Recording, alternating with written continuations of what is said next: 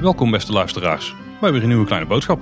Ja, en welkom eh, Paul en luisteraars bij mij eh, aan de virtuele keukentafel. Hè? Ja, het is lang geleden dat we hier hebben gezeten. Ja, precies. Ik zat te denken, is dit nou sinds eh 20 december dat we weer hier bij mij thuis opnemen? Dat was volgens mij was het met Marvin de laatste keer. Oh, dat zou dus kunnen. Ja. heeft hij nog cocktails staan shaken. dat was een goede avond hè.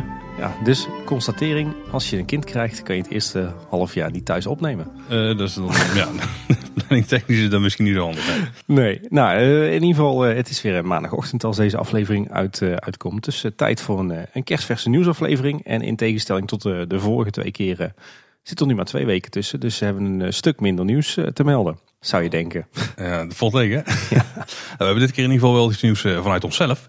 Ja. Want de details voor kleine boodschap nummer 100, die zijn bekend. Ja, inderdaad. We gaan onze honderdste aflevering eh, alweer. Gaan we op, eh, opnemen met jullie, onze luisteraars. Dat gaat plaatsvinden op zaterdag 6 juli van 3 tot 5 in het landhuis van Bosrijk. Ja. En dus de opnames zijn van 3 tot 5. Als je komt, iets eerder natuurlijk aanwezig zijn. Als je jezelf inschrijft, dan eh, krijg je alle details binnen. En hoe schrijf je jezelf nou in? Je kon je natuurlijk van tevoren al aanmelden dat je interesse had. Maar eh, je kan nu inmiddels, of je moet eigenlijk, eh, als je erbij wil zijn, jezelf aanmelden via kleineboodschap.com slash 100. Daar vind je ook een link om je kaartje te kopen. Ja, en iedereen die zich eerder al had ingeschreven voor die mailinglist. je hebt al een mailtje gehad, dus je weet het al lang. Als je toen had aangegeven, ik wil komen, dan moet je dat nu wel opnieuw doen. Want je hebt dus echt een ticket nodig om binnen te komen. Dat is gewoon om er zeker van te zijn dat alle stoelen gevuld zijn met mensen die er ook echt bij willen zijn. Ja, inderdaad. En eh, kaartjes zijn 5 euro per persoon. Eh, daar, daar houden we weinig eh, van over. Dat is gewoon om de kosten van het evenement te bekostigen. Dus we zullen er zeker niet rijk van worden. Want we gaan er een, een hele leuke, interactieve, spannende middag van maken. Hè? Ja, details die komen later, hè, want we weten zelf ook niet precies natuurlijk. Nee, we, zijn, we zijn nog druk aan het lobbyen. eh, maar er zal in ieder geval sowieso een eh, soort eh, Q&A, oftewel een vraag en antwoord zijn. En we zorgen die middag natuurlijk dat je ook een gevulde maag hebt. Hè. Dus het komt helemaal goed. Het is een, een middag met alles erop en eraan. We hebben er zin in, ieder geval. Dus Alleen geen massage met happy ending, toch? Oh ja, als je op die schaal gaat kijken, dan zit er wel meer niet in de middag, denk ik. Nee, dat is waar. maar eh, ja, we gaan iets bijzonders maken van onze honderdste aflevering. Dus eh, als, je, als je het leuk vindt, eh, zorg dat je erbij bent. En ga naar kleineboodschap.com slash 100. We hebben nog meer nieuws vanuit onszelf, Tim. De, Ja, vorige. We hebben, de vorige nieuwsaflevering hadden we aangekondigd dat we een soort side-project gingen beginnen, de buitenwereld. En de eerste aflevering daarvan, die staat inmiddels online. ja, inderdaad. Die is te vinden op kleineboodschap.com slash de buitenwereld. Of je gaat gewoon naar onze website en je klikt in het menu of in de, in de kop op eh, de buitenwereld. En dan kom je op een speciale pagina waar we dus onze, ja, zeg maar onze outsider eh, afleveringen zullen gaan plaatsen. Hè? Ja, en inmiddels kan je hem ook in de meeste podcast apps wel vinden en op Spotify. Onze eerste aflevering die, eh, die gaat over de reis die Paul deze zomer naar Scandinavië gaat maken. Dus Paul, jij deelt daar in jouw reisplannen met mij en ik geef wat, eh, wat tips en tricks. Eh, leek ons een, eh, een goed eerste onderwerp eh, eh, voor eh, de buitenwereld. Ehm, luister je hem nou via een podcast app, vergeet ook vooral niet toch er nog even op onze website te kijken. We zullen de, die directe link ook even in de show notes van deze aflevering zetten. Eh, want daar hebben we ook nog eens een, eh, een flinke rij met, eh, met interessante en handige show notes. Dus mocht je zelf plannen hebben om, al dan niet naar aanleiding van die aflevering, een reis te maken naar of door Scandinavië, dan kunnen we je dat zeker aanraden. Ja. En waar de mensen natuurlijk echt voor luisteren vandaag, Tim. Maar we moeten het hier over de Efteling hebben. Dit is een kleine inderdaad. boodschap. Back on topic. Maar voordat we het daarover gaan hebben, we hebben altijd wel een momentje om het uit te stellen. ja, precies. Ik wil nog een collega podcast welkom heten. Ja, inderdaad. De nieuwe podcast eh Pretpark Praatjes. Ja. Ik moet zeggen, ik, eh, toen, toen ik het voorbij zag komen voor het eerst, dacht ik, ah, weer een pretpark podcast. Daar heb ik toch helemaal geen tijd voor. Want we hebben al eh, vijf grote namen natuurlijk. Of ja, eigenlijk de, de vijf oude podcasts zou je ze kunnen zeggen. Ik denk, ja, wat voegt dit nou nog toe? We hebben al Ochtend in Pretparkland en eh, Team Talk. eh, die eigenlijk over de hele wereld van, van de pretparken gaan. Maar ik ben toch eens nieuwsgierig als ik ben gaan luisteren. En ik moet zeggen dat het eigenlijk wel degelijk toegevoegde waarde heeft op de gevestigde namen. Ik vind ze nou, lekker kritisch. Eh, zijn heel erg bezig met, eh, ook met, met zeg maar het, maatschappelijke aspect, het, politieke aspect. eh, en en da- daar waar je ziet dat bijvoorbeeld Team Talk en Ochtend in Pretparkland zich heel erg richten op zeg maar de pretparkwereld wereldwijd. zie je dat, dat pretparkpraatjes zich vooral op Nederland focust. En dan niet alleen op pretparken, maar ook op musea en andere leisureervaringen. Dus absoluut een aanrader. En je kunt ze vinden op pretparkpraatjes.com. Dan follow-up op de vorige afleveringen. In de vorige nieuwsaflevering hadden we het over de oude Tuffelbaan. En dat er eh, zo'n eh, ledstrip onder heel de baan zit, die waarschijnlijk voor ontruiming is. En dat die daardoor dus ook s'nachts open kon zijn. Maar we werden gecorrigeerd door Roy Jansen. De oude Tuffelbaan is al sinds 2014 in de donker open en daarvoor inderdaad niet. Dus toen hebben ze al aanpassingen gedaan wat het kon. Ja, ik geloof wel dat ze vanaf 2014 dan ieder jaar de, uh, de oude Tuffelbaan in de zomer helemaal uitlichten met tijdelijke spots. En dat is nu wellicht niet meer nodig nu ze gewoon die, die ledstrip onder het spoor hebben lopen. Ja, wat volgens mij ook het geval was toen is dat um, de afstandbepaling tussen de voertuigen dat die optisch was. En als het donker was, dan werkte dat gewoon niet. Klopt, en nu werkt dat met de sensoren. Ja, precies. Nog wat meer follow-up van Roy Jansen. Wat is nu de reden van het verdwijnen van de toren van de Indische waterlelies? De komst van het meisje van de zwavelstokjes? Of dat de toren instabiel was geworden? En dat is het geval volgens de tentoonstelling van het Efteling Museum. Ja, die, die tegenstrijdigheid die is er inderdaad. Uh, maar ik, heel eerlijk gezegd denk ik dat het een combinatie is van beide. Uh, het kan natuurlijk dat de toren van de Indische waterlelies uh, instabiel is geworden door de graafwerkzaamheden voor het, het sprookje van het meisje met de zwavelstokjes. Dat is natuurlijk een mogelijkheid. en in dat geval is wellicht gezegd van ja, gaan we nou heel veel geld erin steken om een nieuwe toren neer te zetten? Of vonden we hem eigenlijk toch al in de weg staan of in het beeld staan en detoneren met het meisje met de zwavelstokjes en laten we het maar voor wat het is? Ik denk dat het, uh, dat het een combinatie van die factoren is. Dus dat het, uh, dat allebei een rol heeft gespeeld. Nou Tim, jouw uh, koffie die koud is, daar is er nog wel feedback op gekomen. Ja, nou, ik hoorde wel dat er heel veel luisteraars zijn die het met mij eens zijn over het feit dat er niet genoeg ijskoffie op deze wereld kan zijn. Oké, okay, daar hoor ik dan niet per se bij. Maar... Ja, nee, inderdaad. We kregen eigenlijk, eigenlijk de belangrijkste feedback. Ehm, nee, ik moet zeggen, waar, waar, hadden we het over? We hadden het over kogeloog, over het feit dat er ijskoffie wordt verkocht. Die wordt mm -hmm. gemaakt van uh, espresso en een bolletje ijs. En dat wordt uh, gemixt en geblend. Um, maar dat wordt daar frappé genoemd. En ik zei dat klopt niet, want frappé bestaat juist uit uh, een heleboel ijsklontjes met melk, siroop en espresso koffie. die je blendt. Maar dat blijkt niet waar te zijn, want Olaf Wezel, onze trouwe luisteraar, die wees, wees ons op de Wikipedia pagina over een frappé. En frappé is ehm, een schuimend Grieks koffiedrankje, gemaakt van oploskoffie, dat koud wordt gedronken. Klinkt eigenlijk slechter dan de optie die jij hebt gekregen bij Kogelo. Ja, inderdaad. Dit klinkt als zo'n beetje het smerigste koffiedrankje ja. wat, ik, uh, wat ik ken. Dus uh, ja, overigens is het, uh, is het woord afkomstig uit het Frans en betekent het geslagen. Als in opgeklopt, ja, denk okay, ik. Ja, ja, ja. Dus dat, in die zin zat iedereen fout wat betreft een frappé. Nou, we frappé dit hoofdstuk even dicht. Is dat dan goed? Ik, ik, ik reken het, het goed. De vorige aflevering hadden we een beetje een discussietje over uh, de wachter van vuur. Waarom is hij nou zo indrukwekkend en waarom wordt hij zo heftig aangekondigd? Want eigenlijk rent die ruiter gewoon maar een rondje door het stadion en dan is hij weg. Ja. Dat laat natuurlijk nergens op. En toen suggereerde ik van misschien is, is het vuurpaard niet de wachter van vuur, maar juist Draconicon. Ja, en Femke die stuurt ons ooit een keer gelezen dat het paard met ruiter inderdaad als een soort afleiding bedoeld was voor de echte wachter van vuur, Draconicon. Zou alleen echt niet meer weten waar ik het heb gelezen en onduidelijkheid dat ook wel zien dat het niet heel goed verwerkt is. Nee, maar misschien dus toch inderdaad uh, reden om aan te nemen dat het zo is. Ja, dat Draconicon de echte wachter van vuur is. Dat denk ik niet. Want ik ben er een beetje ingedoken. Oeh. dit kan namelijk ook gewoon, dit, dit, kan gewoon een fantheorie zijn natuurlijk. Hè, dat ze die ergens op het forum heeft gelezen. Uh, maar de wachters, er zijn echt mensen in de wereld van um, Ravelijn. In de boeken en in de serie. Oké. Okay. Dus de wachter van vuur zou waarschijnlijk, die slaat waarschijnlijk toch wel op een persoon. Dus het is geen centaur. Dat scheelt dan al. maar ja, wat er, het zou kunnen. Maar nou, kans is klein dat het echt zo bedoeld is. Ik vind het een mooie, mooie cliffhanger. Ja, ik vind in de basis dat het dus gewoon slecht verwerkt is. Daar ben ik absoluut met er eens. Hey, verder uh, kregen we ook nog uh, twee uh, anonieme tips van insiders. de ene die zegt, en het ging natuurlijk over symbolica, die schrijft... Het druppeleffect bij de fabelvis zetten wij meestal uit op rustige dagen... zodat de banken van de fantasievaarders niet vol met water komen te liggen. Ja, dat is wel een goeie, want ik was het dus laatst op een rustige dag. Ja, dit is een beetje naar aanleiding van jou, uh, jouw melding of eigenlijk meer jouw vraag dat je het al geregeld hebt meegemaakt dat het druppeleffect ja, niet deed. Ja, ja. Nou. Dus hij doet het gewoon eigenlijk altijd, alleen hij kan bewust niet aanstaan. En ik was al eens laatst op een rustige dag en toen zat ik ook zo te kijken. Ik denk, ja, die kunststofbanken, daar komen gewoon echt plasjes in te staan als je daar die druppels in laat vallen. En er zit af en toe niemand. Hm. Uh, en een andere tip ging nog een beetje over onze, een van onze laatste uh, puntjes die we de vorige nieuwsaflevering hebben besproken. Namelijk over het uh, al dan niet scheiden van afval. En we kregen een anonieme tip. Namelijk in de Efteling scheidt de Milieudienst aan het eind van de dag backstage zoveel mogelijk petflessen uit de prullenbakken. En die gooien ze dan vervolgens in een aparte bak. Het is een klein detail, maar het gebeurt wel. Oh, dat is toch goed om te horen, alleen wel een lullig ja. ik wou net zeggen, ik vraag me af in hoeverre dit nou heel erg sowieso in hoeverre dit heel erg efficiënt is. Want het kost heel ja. veel tijd volgens mij. En het levert lang niet alles op wat je eruit zou kunnen halen. En het is volgens mij ook niet helemaal een eh, fantastische job. Dus ja, wat mij betreft eh, kan er dan niet snel genoeg eh, speciale afvalbakken in Efteling eh, verschijnen. Waarin je gewoon drie verschillende inworpopeningen hebt. Maar goed, daar wellicht wordt er achter de schermen ook wel aan gewerkt. Ja, dan nog heel even kort over de Weekend Strike groep. Want die hadden dus een taakstraf gekregen van 100 uur. Die is inmiddels ingetrokken. Maar ze krijgen wel een boete van 225 euro voor huisvredebreuk.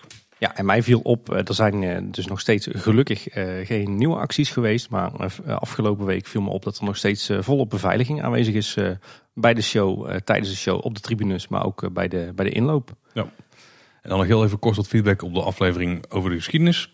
Eh, we kregen van Vlederik te horen dat er blijkbaar ook nog een Tivoli Stadspark in Mechelen was. Want jij had er acht gevonden. Ja. Had je die ook gevonden, die in Heb Mechelen? ik niet voorbij zien komen, nee. Dit is ook overigens een soort variant van de Efteling voordat het Sprookjesbos was. Dat lijkt ook wel een beetje op als je kijkt naar eh, wat daar aan eh, attractieve dingen staan. Oké, interessant. En Milena die stuurde nog... Planet is ook zoiets als Tobo tijdreis. Alleen dan voor satellietbeelden en ze gaan terug tot 2009. Maar wel, dat is wel heel tof. Heb je al gekeken? De link is planet.com, daar zou je het ergens moeten kunnen vinden. De complete link zetten we in de show notes. Dus ik ga nog even doorheen struinen. Ja, zou dit weer net als de vorige keer met de Topo tijdreis eh, een aantal dagen kosten? Ja, ik ben bang voor wel. We zullen dan eens de hoofdonderwerpen induiken, Tim. Want er is wel wat nieuws gekomen. ja, inderdaad. Ik zei daar straks wel gekscherend van eh, we hebben een stuk minder nieuws nu we maar, eh, maar twee weken geen nieuwsaflevering hebben opgenomen. Maar we hebben stiekem toch wel weer een enorme lijst verzameld van Efteling nieuws. Ja, wat eigenlijk ook een beetje klassiek is, is dat heel veel nieuws pas na de zomervakantie eh, komt. Hè. Dus dat in de aanloop naar de zomer, dat dan al het nieuws wordt ja, opgehouden, zeg maar. Mhm. Zodat eh, mensen, die, dat mensen gewoon komen en hun eh, reisje niet gaan uitstellen, zodat de zomer wel lekker druk is. Maar dat lijkt nu niet het geval te zijn. Nee, absoluut niet, zeg ik terwijl ik een roze koek naar binnen probeer te werken. Nee, want we hebben het er al eerder, eerder flink uitgebreid over gehad in Kleine Boodschappen en ook op allerlei andere fan, fora, fanmedia is het erover gegaan. Maar nu is het officieel, want eh, de Efteling heeft, eh, heeft aangekondigd dat eh Panadroom flink zal worden aangepakt. Pannendroom wordt omgetoverd in Fabula. Ja, inderdaad. Wat zeg je dat goed, Paul. Die geruchten die, die gingen dus al wat langer, maar ze zijn nu door de Efteling zelf bevestigd. En een hoop van de details, daar wisten we eigenlijk al wel een beetje wat van. Want we hebben al in eerdere afleveringen besproken. Maar de attractie gaat dus een nieuwe naam krijgen. Fabula. Ja. dat was al in de geruchtenmolen duidelijk bekend. Er waren al logo's gelekt via loopings. En het thema van de natuur die staat daar eh, centraal op een speelse en vrolijke manier, Tim. Ja. Daar moet je wel aan staan, hè? Ja, absoluut. Want dat geeft meteen al aan, eh, of dat is eigenlijk meteen waar het altijd aan schortte eh, bij Panadroom. En wat nu dus helemaal op een andere manier wordt aangepakt. Ja, in die film daar speelt dus een, een beer. Die speelt de hoofdrol samen met een eekhoorn en Klaas Vaak. Al weten we niet precies hoe die... Nee, die is er een beetje bij ingeschreven, heb ik het idee. Hè? Ja, er was een teaser uitgebracht met die beer en die eekhoorn. En eh daar zat Klaas Vaak natuurlijk nog niet in. Hoeveel de nadruk op Klaas Vaak ligt, dat is me vooral nog eh, niet duidelijk. Maar die, ehm, die beer die gaat een paar wijze levenslessen leren van Klaas Vaak. En daardoor krijgt hij nog meer respect en ook voor andere dieren. Ja, inderdaad. Eh, de film die wordt vrolijk, spannend en iets korter. eh, waardoor straks meer gasten de attractie kunnen beleven. Ja, want volgens mij is de huidige film 10 minuten en deze gaat 8 worden. Dat Ja, betekent dat zowel de hoofdshow als de eh voorshow die worden altijd korter. Ja, en de film die wordt geproduceerd door de Britse studio Aardman. En eh, die kennen we onder meer van eh, Wallace and Gromit en van eh Sean het Schaap. Wat Ja. hier thuis toch wel een enorme hit is. Ja, en die kunnen wel echt, die kunnen wel iets. Ja, absoluut. Dus Dat is wel echt een A, weer een A-merk wat dat betreft. Ja, dat is wel tof dat we met een goede studio in zee zijn gegaan. Ja, wat, wat ook naar voren kwam, en hier had ik nog wel wat vraagtekens bij, maar de tien bestaande 4D-effecten uit de attractie, zoals de watergeur en windeffecten, die worden op passende wijze weer ingezet. Maar tien effecten? Ik kwam niet echt aan tien eigenlijk. Tenzij het openslaan van de deuren van de in- en de uitgang, dat, dat al een special effect is. Ja, ik vraag me ook af of ze niet gewoon, of, ze de, eh, of het nou tien eh, totaal verschillende eh, 4D-effecten worden, worden bedoeld. Of gewoon tien momenten in de huidige film waarop er sprake is van effecten. Ja, want volgens mij zijn er maar iets van zes verschillende effecten of zo. Je hebt wind, water, mist, je hebt de boom die naar beneden komt, je hebt de banken die inzakken. Ja, dat is ook zo ongeveer. Jij hebt natuurlijk lucht die in, je, die in je gezicht wordt geblazen. Ja, je hebt, je hebt Ja. twee soorten wind, wind en lucht. Er zijn er zeven. Veel verder kom ik niet. Nee, Dus ik ben benieuwd wat, er dan, eh, wat dan de tien bestaande effecten zijn. En er komen dus waarschijnlijk ook geen effecten bij. En eh, wat ook wel een belangrijk detail is, maar dat had je waarschijnlijk al wel kunnen raden gezien het onderwerp. Dat eh, de samenwerking tussen, weer- tussen het Wereld Natuurfonds en Efteling die stopt wanneer Fabula opent. ja, eind 2019 dus. eh, ja, dan verwacht. Ja, inderdaad, want we hadden het idee dat het contract tussen Efteling en de Wereld Natuurfonds was verlengd tot ergens in 2020. Hè? Ja, ja, dat- was het nieuws wat eerst was uitgebracht. Ja. Ehm, Overigens wordt eh, niet alleen de hoofdshow en de film aangepakt. ehm, en overigens ook de voorshow. Maar eh, ook het restaurant en de souvenirwinkel. eh, die worden allebei aangepast voor een ja, aanpassende totaalbeleving. Ik heb het idee dat afgaande op de impressies die we inmiddels hebben gezien. Dat de winkel heel beperkt wordt aangepakt. Dat die qua opzet wel hetzelfde blijft. Maar in het restaurant gaat best wel wat eh, veranderen. Ja, volgens mij gaat heel die, eh, die wand die er eigenlijk voor staat, zeg maar, voor het, eh, het pleintje waar het buffet ligt, die gaat er helemaal uit. Mhm. En dan krijg je een paar wachtrijen. Dan kun je volgens mij al uit de vitrine wat dingen bestellen. Maar als je wat eh, uitgebreidere warme dingen hebt, dan moet je opschuiven naar een afhaalbalie. En dan kun je ze daar meenemen. Dat is ongeveer wat ik van die tekening kan Ja, aflezen. ze gaan een beetje van een, het free flow concept wat ze dan nu hadden. Gaan ze weer terug naar zo'n ouderwets eh, counter concept, hè, heb ik het idee. Ja, het lijkt een beetje op de steenbok en de smulpapen. En dan wel met iets beter gedefinieerde rijen. Dus een beetje Ja. op, op de Disney manier zeg maar. Ja, precies. Ik geloof ook dat, eh, dat het, het Italiaanse eten eruit gaat, hè? of in ieder geval grotendeels. Ja, dat is nog niet helemaal duidelijk. Het Maar zou, ze- zou kunnen zijn dat het blijft, maar ze leggen nu de nadruk op vlees, vis en veganistische gerechten. Ja, en die passend zijn bij een wereldse keuken. Dus het eh, zou zomaar kunnen zijn dat we iets, eh, iets Italiaans, iets eh, Oosters en iets eh, Aziatisch krijgen of zo. Ja, het lijkt wel dat ze hier gaan werken met eh, de minuutjes. Dus dat je echt, eh weet je wel, drankje en iets te eten, dat je die samen koopt. Misschien drie dingen of zo. Als je, als je Ja. af moet gaan die eh, concept art, maar ja, is misschien niet helemaal Nee, is- wijs om dat te doen in dit geval. En er stond een broodje volgens mij op, de, eh, op het plaatje. Ik ben benieuwd. Ja, ik eh, ben nooit zo'n fan geweest van de indeling van het restaurant, maar wel van het aanbod. Dus ik ben benieuwd wat we er nu voor terugkrijgen. Ja, kijk, een van de doelen die ze hebben is om de zitruimte te, ver- te vergroten. En dat doe je op die manier natuurlijk wel. Want de keuken zit gewoon sowieso nu wel achter die balies. En eigenlijk haal je gewoon het hele ja, het free flow stuk zoals je net zegt, daar haal je gewoon weg. Dus daar creëer je denk ik alweer een tafeltje of vijf of zo aan ruimte mee. Ja, het zou me ook niks verbazen als het, eh, als het terras ook meer de dierenwereld in zal gaan dan nu het geval is. Ah, oké. Nou, daar kunnen we het daar nog wel Ja. even over hebben. En aan de buitenkant zijn ze natuurlijk ook eh, nu het terras aan het vergroten. Ja, Want daar, blijkt, daar blijken dus die eh, werkzaamheden te zijn die, die ze bij de Octopus aan het doen zijn.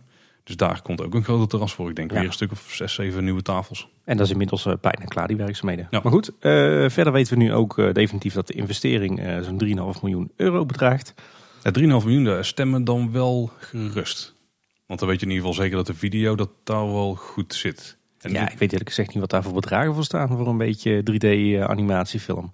ja, weet ik ook niet. Ik, ik weet de hoofdshow van 8 minuten, ja, daar kun je toch wel aardig iets voor doen, denk ik, voor dat bedrag. En de voorshow zal wel simpel worden, dus daar verwachten dan niet al te veel van. Dus het budget zal vooral in de ene video zitten. We weten in ieder geval van insiders dat wel het overgrote deel van dat bedrag in de film gaat zitten. Hè? Dus we moeten daarbuiten weinig grootschalige aanpassingen eh, verwachten, denk ik.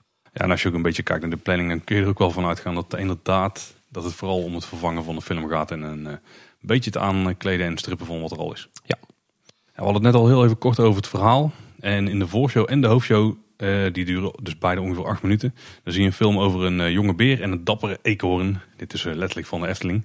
en het botert niet echt goed tussen de knorrige beer en de andere dieren. En Klaas Vaak die besluit dan om de beer een paar levenslessen bij te brengen. En tijdens deze avontuurlijke droom, hoe droom, Toch nog een droom dan. Ja. Ja. bezoeken de beren en de eekhoorn de leefwerelden van dieren. Oh, wacht, natuurlijk.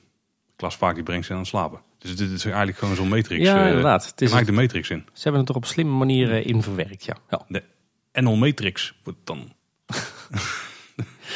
Klinkt eh, goed, Paul. Ja. En eh, dus in die droomwereld, daar gaan ze dan, daar gaat hij dan, eh, daar gaan ze de wijze lessen leren. En dat is wel ook te verklaren hoe ze dan in al die werelden terechtkomen. Want daar was wel kritiek op natuurlijk. Dat, tenminste, ik heb wel kritiek gelezen links en rechts. Van een eekhoorn en een beren in de savanne. Dat klopt helemaal niet. Volgens mij uh, Zoo Insight, hè? Dat klopt inderdaad niet. Nee, inderdaad. Daar kan ik zelf ook nog wel verzinnen. Maar dit verklaart in ieder geval waarom het wel kan. En de Efteling schrijft erover nog... Dat zorgt voor wonderlijke, hilarische, spannende en ontroerende momenten. Moraal is dat de beer uiteindelijk meer oog en zelfs respect krijgt voor andere dieren. Misschien wordt hij ook wel veganistisch. De meeste dieren, de meeste beren zijn trouwens wel. Ah, die Ja, zijn wel viseters, hè? Ja, alles Ja, ja. ja, we hadden het net al over Aardman.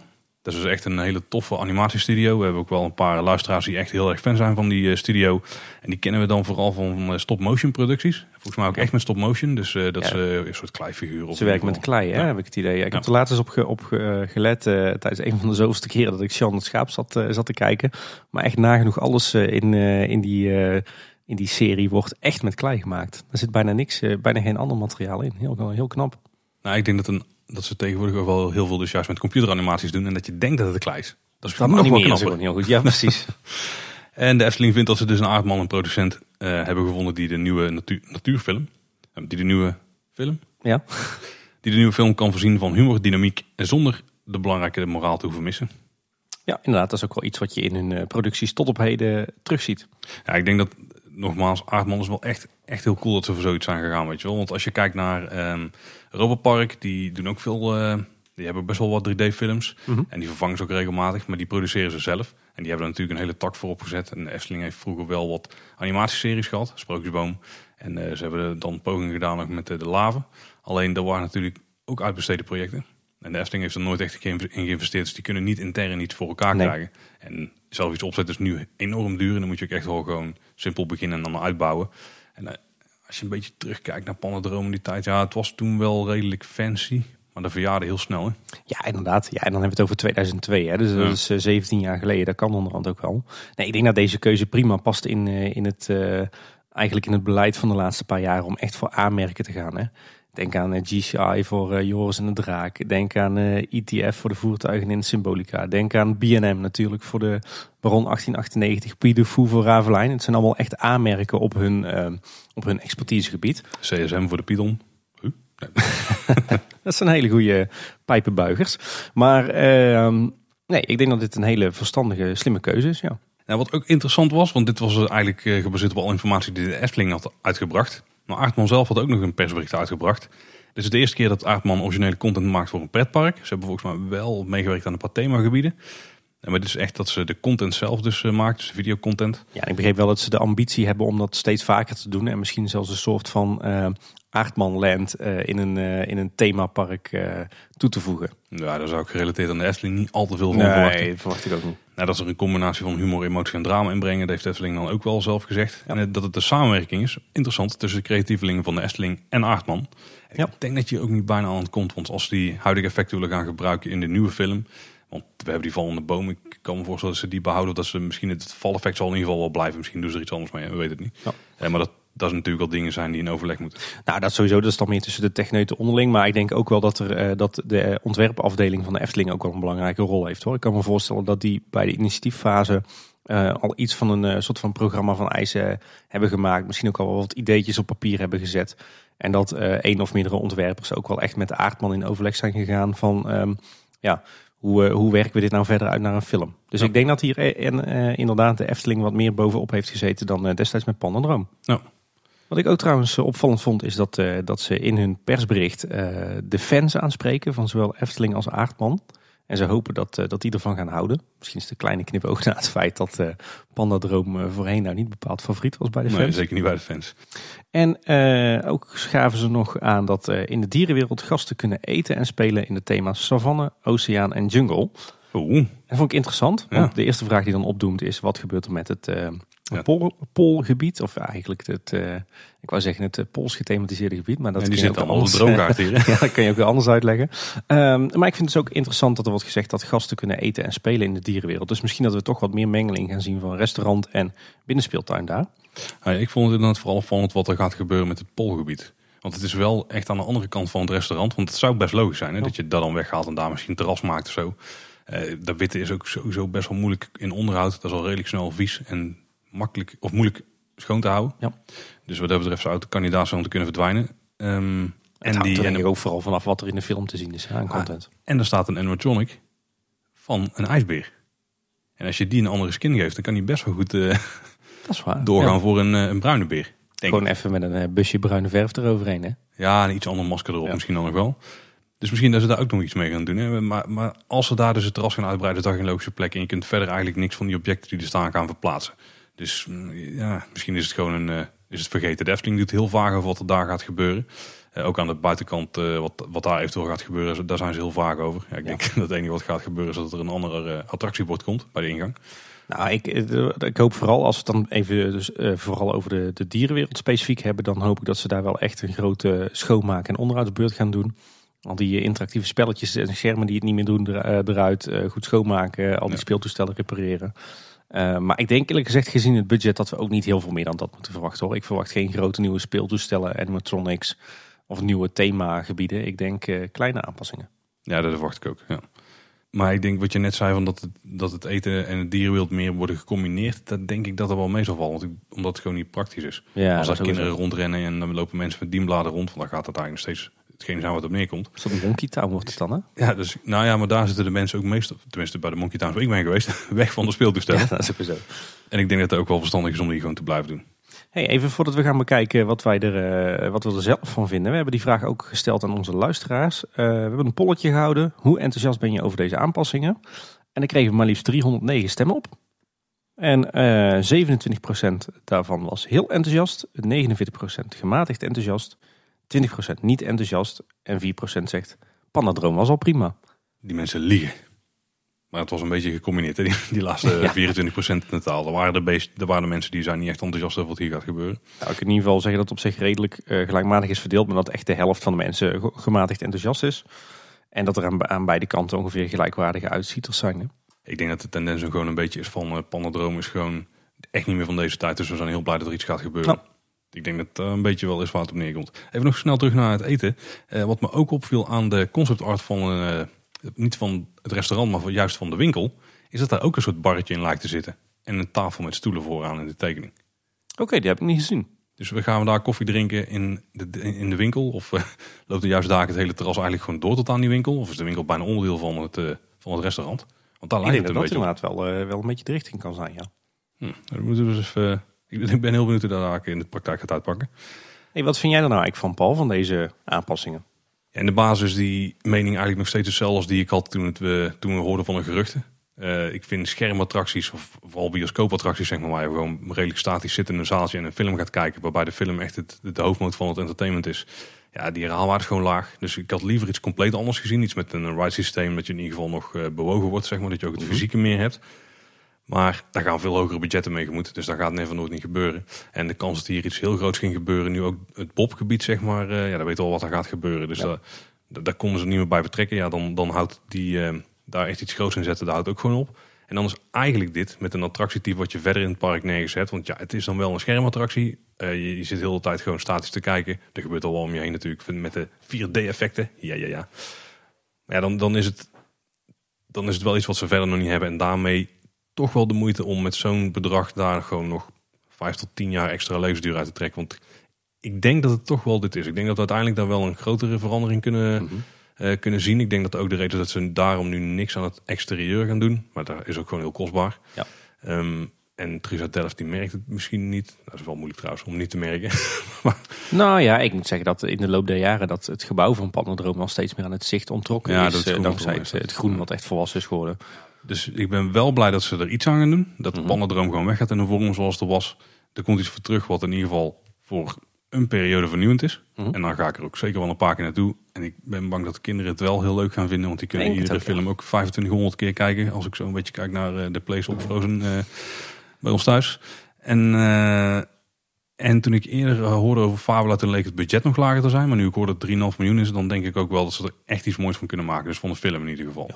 Dus de kwaliteit de, de- wat, die er dadelijk in komt, dat is wel iets wat in ieder geval jaren mee kan. En wat ze eh, niet, wat bij Panadroom denk ik wel het geval was, echt na drie jaar al, al, al hadden moeten vervangen. En ja, Tim, hoe sta jij er een beetje nou? Ja, eigenlijk wel, eh, wel eh, enthousiast. Ik ben sowieso heel blij dat, eh, dat de Efteling toch heeft ingezien nu en ook heeft doorgepakt van joh, de Pandadroom kan echt niet meer. We moeten hier echt serieus iets gaan doen.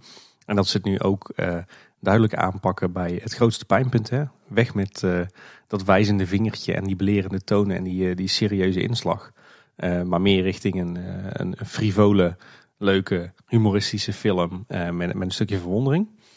Ehm, in zekere zin kan ik me wel herkennen in de kritiek van eh, aardig wat liefhebbers. Van joh, je moet in 2019 niet meer komen met een 3D-film, want eh, dat is beperkt houdbaar en mensen zitten er niet meer op te wachten. En eh, mensen die er echt een heel ander attractietype hadden willen zien.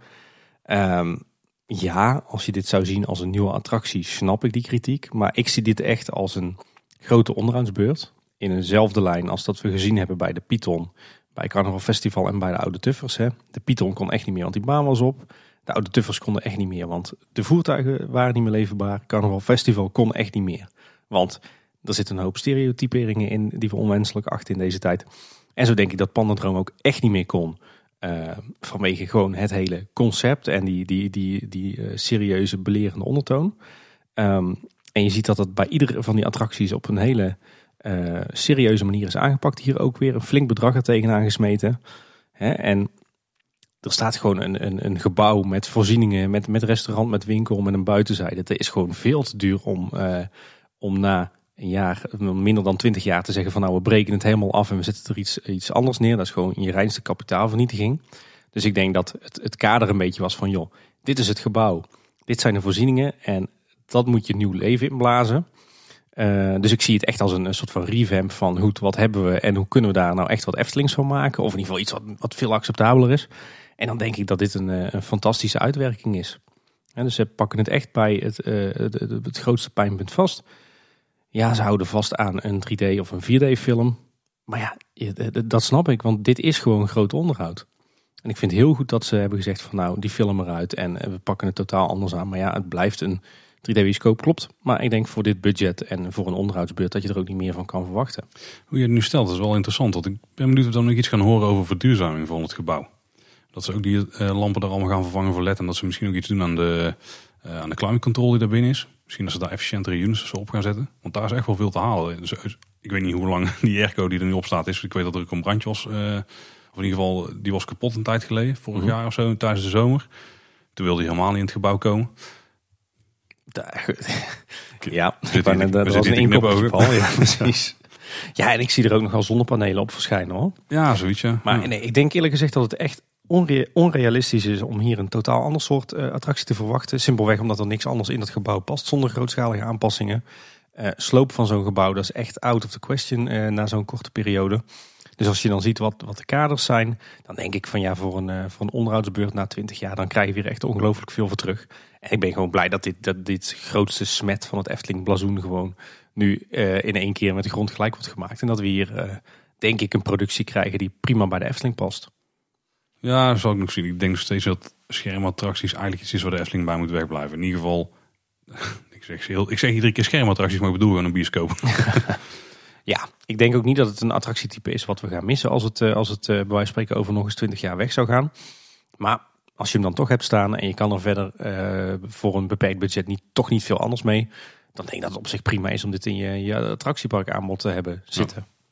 Ik denk dat het inderdaad wijs is om naar te kijken als een onderhoudsklus en niet een nieuwe attractie. Een beetje een revamp. Hè? Ik weet eigenlijk niet wat daar een beetje de, de goede Nederlandse term is. Een revitalisering. ja, een revamp uh, keur ik gewoon. Ja. Goed, ja, hou het daar gewoon op. We kregen een mailtje van Bob. Beste toppers van Kleine Boodschap. Ik had een vraag over de upgrade van Pandadroom naar Fabula zou de thematiek van de wachtrij, voorshow en speelhal ook een mooie update krijgen. En als jullie dat denken, wat zijn jullie ideeën hierover? Ik hoor ze graag. Nou, we hebben het er al een beetje over gehad net. Ik denk dat ze de wachtrij gewoon met rust moeten laten. Dat denk ik ook, want die is op zich uh, helemaal prima. Ja, het is ook goed dat ze eigenlijk voor een dierenthema zijn gegaan daar. Want dan kunnen ze ook gewoon die elementen zoals die olifanten zo behouden. En die koppel bij de entree. Ja, hoewel er daar eentje neus, neusloos van is. en de schildpad inderdaad. Um, ja, de voorshow, daar ben ik misschien nog wel het meest benieuwd naar. Zouden ze daar gewoon die kale grot van laten? Uh, ik denk het wel. En mijn grootste bezwaar daar is het plafond. Voor de rest op zich de vloer en de wanden zijn nog wel aardig aangekleed tot een bepaalde hoogte. Maar dan heb je ineens een systeem, uh, of ineens uh, golfplaat en, en een hoop systemen. Misschien dat ze wat kunnen met een doek of met een gaasdoek. Dat het daar iets minder lelijk van wordt. Weet je, of, de, of de, de, manier hoe dat ze de droomvluchtmeandering hebben aangepakt een paar jaar terug. En ik verwacht daar verder gewoon ja, een nieuw soort film. Of, ja. Ja, zou ja, daar ben ik oké. Daar ben ik nog wel het meest benieuwd naar. Dat we daar gewoon die drie schermen blijven houden. Denk ik wel. Dezelfde projectietechniek. Ja. Alleen, ik, verwacht daar niet, uh, ik verwacht sowieso niet iets wat we daar nu al uh, nu, uh, hebben gehad, hè, die WNF-promotie. Ik verwacht hier eigenlijk iets, ehm, ja, iets luchtigs, iets grappigs. Misschien dat, dat je daar alvast kennis gaat maken met de karakters. dat er dus inderdaad wat, wat grapjes worden gemaakt. Ik, ik verwacht zoiets. Dus, dus gewoon luchtig vermaak en een introductie met de nieuwe karakters. Nou, mijn lichte hoop is, en ik weet niet wat we eraan hebben, maar dat ze die animatronic van die ijsbeer weghalen in het dierenrijk en dat ze die hier gewoon neerzetten op de voorgrond van die film. En dat dan misschien de, het eekhoorntje in de achtergrond interacteert met die uh, animatronic op de voorgrond. Dat die omhoog komt, dat die wakker wordt gemaakt, zeg maar, dat daar een beetje om gaat. Wishful thinking, en ik hoop dat je het gelijk hebt. Ja. Uiteraard. Ja, in de dierenwereld, wat, wat we al zeiden, ik denk dat daar... Uh, dat we daar ook niet, niet heel veel ingrijpends uh, kunnen verwachten. Simpelweg omdat het te duur is. Ik hoop zelf op een stevige onderhoudsbeurt. Maar ja, in de ideale wereld zou ik zeggen, uh, de loader er doorheen en uh, bouw maar uh, opnieuw op. Ja, wat daar een nadeel is, en dat heb ik zelf een paar keer ondervonden, is dat je daar best wel veel looproutes hebt om op plekken te komen. Wat betekent dat voor een plek waar kinderen kunnen spelen het heel makkelijk is om die kwijt te raken. Ja, nou ja, sowieso inderdaad. Daar had ik zelf nooit erg in voordat ik zelf vader was. Maar uh, daar ben ik nu dus. En als je dan daar gaat spelen met je dochter, dan merk je toch dat het al heel snel dat het ongelooflijk donker is. Ja. Voor een kinderspeeltuin. Een beetje ook een nageestig sfeertje. Dat de speeltoestellen in ieder geval niet geschikt zijn voor kleine kinderen. Nee, ja, ik vind het een hele onprettige plek om ja, te spelen. die kunnen wel door die uh, gaten klimmen, maar die zijn door die tunnels, zeg maar. Maar die zijn dan eigenlijk, daar kun je net niet goed al het overzicht houden van wat er gebeurt. Hetzelfde probleem, dan heb je één ingang en drie uitgangen. Ja. Of, dus je hebt dus drie uitgangen. Um, dus dat is dan niet handig. En wat ze nu dus doen aan die, ja, eigenlijk langs die paden aan de buitenkant, daar zitten die interactieve schermen. Ja. En die zouden voor mij ook weg mogen. Van, ja, dan had je alles toestellen. In principe, als je met schone lijn was begonnen, had je alles verder naar buiten geplaatst. Ja. Nou, op zich, uh, als ze daar inderdaad een beetje ja, schoonmaken, een beetje opknappen, dan kan het wel mee door. En ik denk dat bij de hoofdshow dat we daar eigenlijk alleen maar het vervangen van het scherm hoeven te verwachten en van de projectoren. Ja, dat is misschien prima. Want het misschien het geluid. Ja, maar op zich ook prima, want ik denk dat het op zichzelf een hele mooie zaal is. Ja, en als je de film zit te kijken, maakt hoe de zaal er verder uitziet niet zo heel veel uit. Nou, ik vind het rotswerk niet vervelend hoor, in die zaal. Nee, nee, nee, nee, is ook niet. Maar die, die, die is inderdaad gewoon wel prima. En die is ook nog best wel, ja, moet, moet ik zeggen? Die ziet er niet vies uit of zo, zeg maar. Nee, inderdaad. Terwijl je bij andere plekken in de attractie misschien wel hebt. Even tussendoor voordat we verder gaan. Waar het ook heel erg op lijkt, is dat uh, onze grote vriend René Merkelbach alle muziek gaat verzorgen.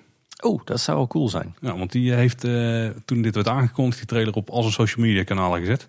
Dus ik denk dat de muziek die erachter zat, dat die al van hem was. Dus we krijgen waarschijnlijk drie nieuwe, misschien wel vier nieuwe René Merkelbach melodietjes. Ja, op, zich, op zich wel opvallend denk ik. Want ik denk dat Aardman normaal gesproken voor zijn films uh, zelf uh, muziek maakt. Of in ieder geval met, uh, met eigen ja, partijen die, werkt. Ja, die zal met veel vaste partijen werken. Ja. ja. Heeft de Efteling toch ergens gezegd, nee wij willen René. ja, waarom niet hè? Nee. Ik zit, ja, ik denk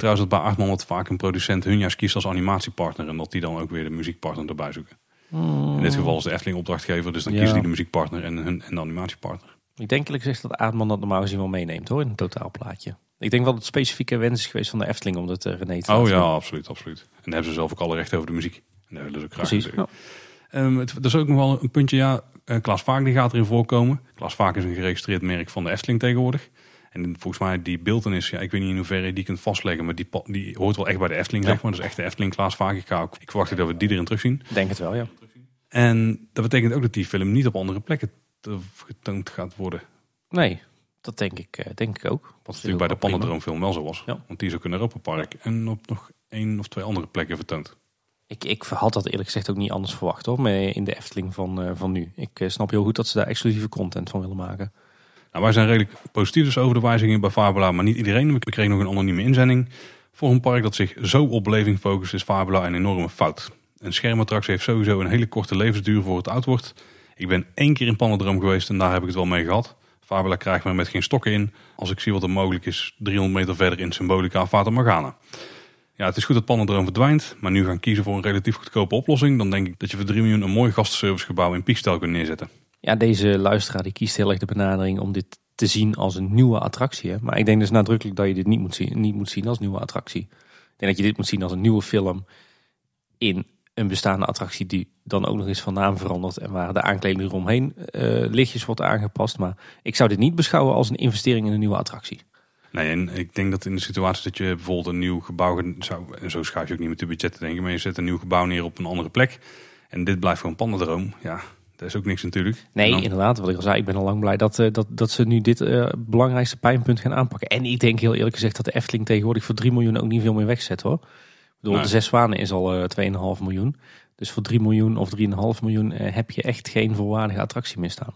Nou, wel een gastenservicegebouw. Dat denk ik wel.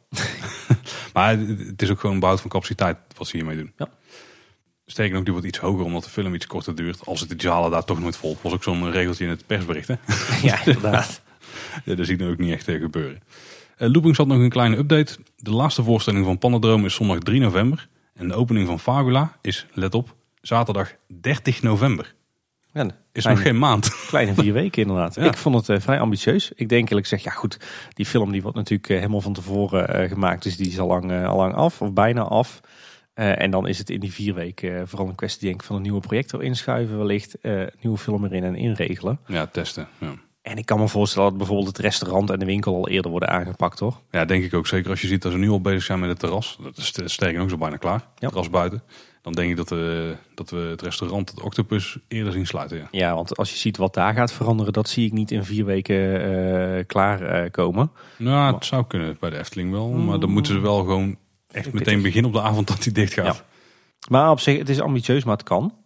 Eh, iets anders opvallends wat ik nog zag, er stond ook een groot artikel in het Brabants Dagblad. Ja. Ehm, en dat was op de een of andere manier, het leek wel of het door een fan was geschreven, want dat benoemde meteen al in de titel dat, eh, dat de samenwerking tussen Efteling en WNF altijd heel complex was.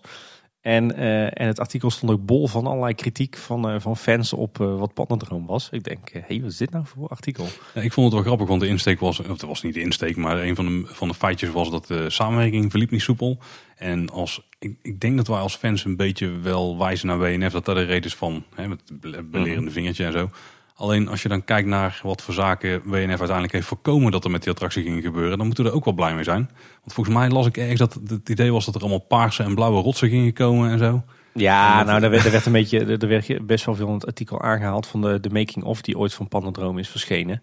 En daarin, eh, maar volgens mij chargeerde Peter Koppelmans een beetje, gaf hij aan van joh, wij als Efteling wilden heel veel fantasierijke oplossingen en, en uitbeeldingen en WNF hield ons aan de realiteit.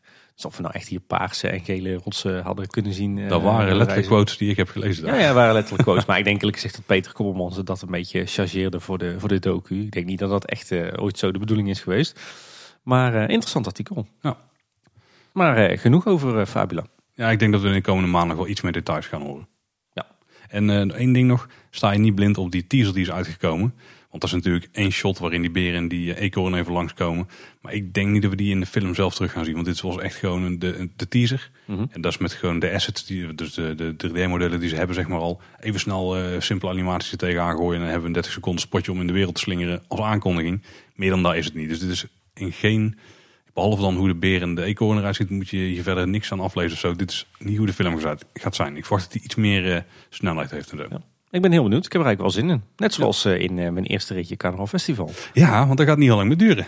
Nee. Ster- Sterker nog, die, die gaat deze week open. Ja, inderdaad. Ik, zit even, ik moet even rekenen, maar als deze aflevering uitkomt, dan gaat hij in dezelfde week open. Ja, ja want eh, de grote onderhoudsbeurt is een, best wel een stuk eerder klaar dan gepland.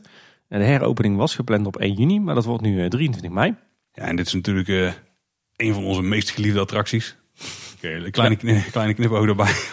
Maar, we gaan hier wel wat extra aandacht aan besteden. Dus eh, verwacht komende week misschien wel een extra aflevering van Kleine Boodschap. Ja, ik ben, eh, als deze aflevering uitkomt, ben ik, eh, ben ik op vakantie een weekje. En eh, het is natuurlijk heerlijk om op vakantie te zijn, maar ergens baal ik dan wel weer dat het Carnaval Festival net open gaat. Als ik er niet ben en er niet bij kan zijn. Ik weet hoe het is met de autotuffers. Oh ja, ja, dat was waar. Hey, we hebben nog eh, niet al te veel eh, gezien van eh, de werkzaamheden aan Carnaval Festival, maar wel weer een aantal zaken. Zo zagen we de afgelopen week een, een nieuw luifeltje bij de, de uitgang verschijnen. Ai, En het deed mij, ja, ik hoorde heel veel negatieve reacties erop, maar het deed mij heel erg denken aan een, een rode neus eigenlijk. En ik vond hem eigenlijk wel leuk gekozen. ja, Het is eigenlijk gewoon een, een halve rode neus die, die als luifel fungeert. dat klopt. Oh, ja, ik, ik, moest, ik vond het fraai. Ik moest Nou, wel ik, vind, je had dan de simpelheid van die attractie binnen. Die haal je dan heel erg in één keer naar buiten, weet je wel. Dan krijg je gewoon zo'n knalrode punt midden op het plein. Het is n- verder niet echt een heel erg... ik vond het wel een mooi statement. Ja, ik vond het leuk. Nee, ik had liever denk ik gewoon een, een, een doekje, of een, ja, zo'n koepeltje van doek gezien. Hoe noem je zo'n ding? Zoals eigenlijk ook aan eh, Panorama zitten. Maar dan, had hij wat best wel rood mogen zijn. Of? Ja, gewoon een, eh, ja, hoe is het ding? Een luifel. Een luifeltje. Ja, zo veel moeilijker hoef je niet te maken. Nee, maar eh, de- dat is de uitgang dus. Eh, voorheen eh, het fotoverkooppunt. Maar zoals we inmiddels weten wordt dat een combinatie van souvenirwinkel. Of ah, ja, ik souvenirverkoopbalie en, eh, en eh, fotobalie. En eh, dat verkooppunt gaat Confetti heten, weten we inmiddels. Ja, Dankzij Eftelingstraat.nl geloof ik. ja, ik hoorde wel weer van wat andere mensen dat het misschien toch niet confetti gaat heten. Hm. Maar daar gaan we dus ook de komende dagen zien. Ja, precies. Ik vond, vond op zich wel een prima naam. Ja. Eh, er is meer bekend eh, dankzij de mannen van eh Eftelingstraat.nl. Namelijk dat de, het winkeltje of het verkooppunt hetzelfde uiterlijk gaat krijgen van binnen als Joki's Wereld. Maar de fotoverkoopbalie die blijft in principe beeldbepalend. Die wordt wel enkele meters ingekort, waardoor er rechts van de balie ruimte is voor verkoopschappen. Ja, dat konden we ook al zien hè, in die concept art die de Efteling had uitgebracht. Ja, en dan gaan we dus een selectie, gaat een selectie verkocht worden van, van souvenirs die we ook in Joki's Wereld eh, terugvinden. Ja, wij hadden even op, op eh, Twitter wat discussie over het feit of dat het nou uh, niet zou gaan zorgen voor. Uh, of dat het niet zou cannibaliseren met de Jokisch wereld. Mhm.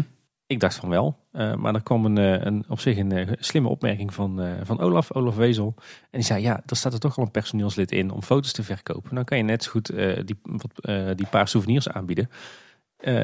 Het kost niks extra's, maar wellicht haal je wel net wat meer omzet. Dus in die zin, uh, cannibaliseren of niet, uh, onderaan de streep ga je zeker niet minder verkopen. Nee, daar heeft helemaal gelijk in. Ja. Slim vent. En uh, wat we nu inmiddels een beetje kunnen afleiden van wat decoraties in Jokers wereld, is hoe de Afrikaanse en Aziatische figuren eruit gaan zien. Ja, en ik vind dat bijzonder knap gedaan. Ja, want even een paar dingen. Die zijn dus verwijderd van de gevel nu. Want daar zaten er ook nog een paar in bij Jokers Wereld. Die zijn nog niet teruggeplaatst hè? Nee, nee maar je hebt wel het spel achterin uh, Jokers Wereld. En daar kun je dus wel een paar van die nieuwe figuren zien. Ja, en volgens mij ook wat andere decoratie in de winkel hè, langs de wanden. Uh, ja, ja, ja. Ja, dat is me niet eens echt goed opgevallen. Maar dat klopt wel, ja. ja. Ja, en de, de, de Aziaten en de Afrikanen zijn aangepast hè. Eh, waar de, de Afrikanen eerst echt als bosjesmannen werden weergegeven met speren en, en, en ja, ringen in de neus, neus en ringen inderdaad is dat nou gewoon een, eh, een leuk, eh, vlot eh, gekleurd jongetje. Ja. Met een kroeskoppie. En volgens mij de, waar, waar de Aziaten eerst de spleetogen en de, de, tandjes hadden, is het nu gewoon best een knap geisha meisje geloof ik hè, wat ik zag. Ja, ja, ja. Dus ik, ja, wat mij betreft prima aanpassing. Het wijkt niet, niet heel erg enorm veel af van het origineel, maar alles wat je enigszins aanstootgevend zou kunnen ervaren, dat is eruit ik denk ook dat de, stel de media had het niet helemaal opgeblazen, wat wel was gebeurd natuurlijk. Mhm. Dat mensen die er dan ingingen, een jaar nadat ze erin waren geweest, dat die het verschil misschien niet eens echt zouden doorhebben. Ik denk dat de meeste trussen uit Delft uh, het niet door hadden gehad. Nee. nee. Het is jammer dat iedereen, dat iedereen er weer zo'n ding van heeft ja, gemaakt. inderdaad. Maar ja, volgens mij positief. Uh, het laatste wat we wel hebben gezien is dat de sumo-worstelaars in ieder geval terugkeren in de ja. uh, Japanse scène. Want die zagen we ergens op een karretje staan.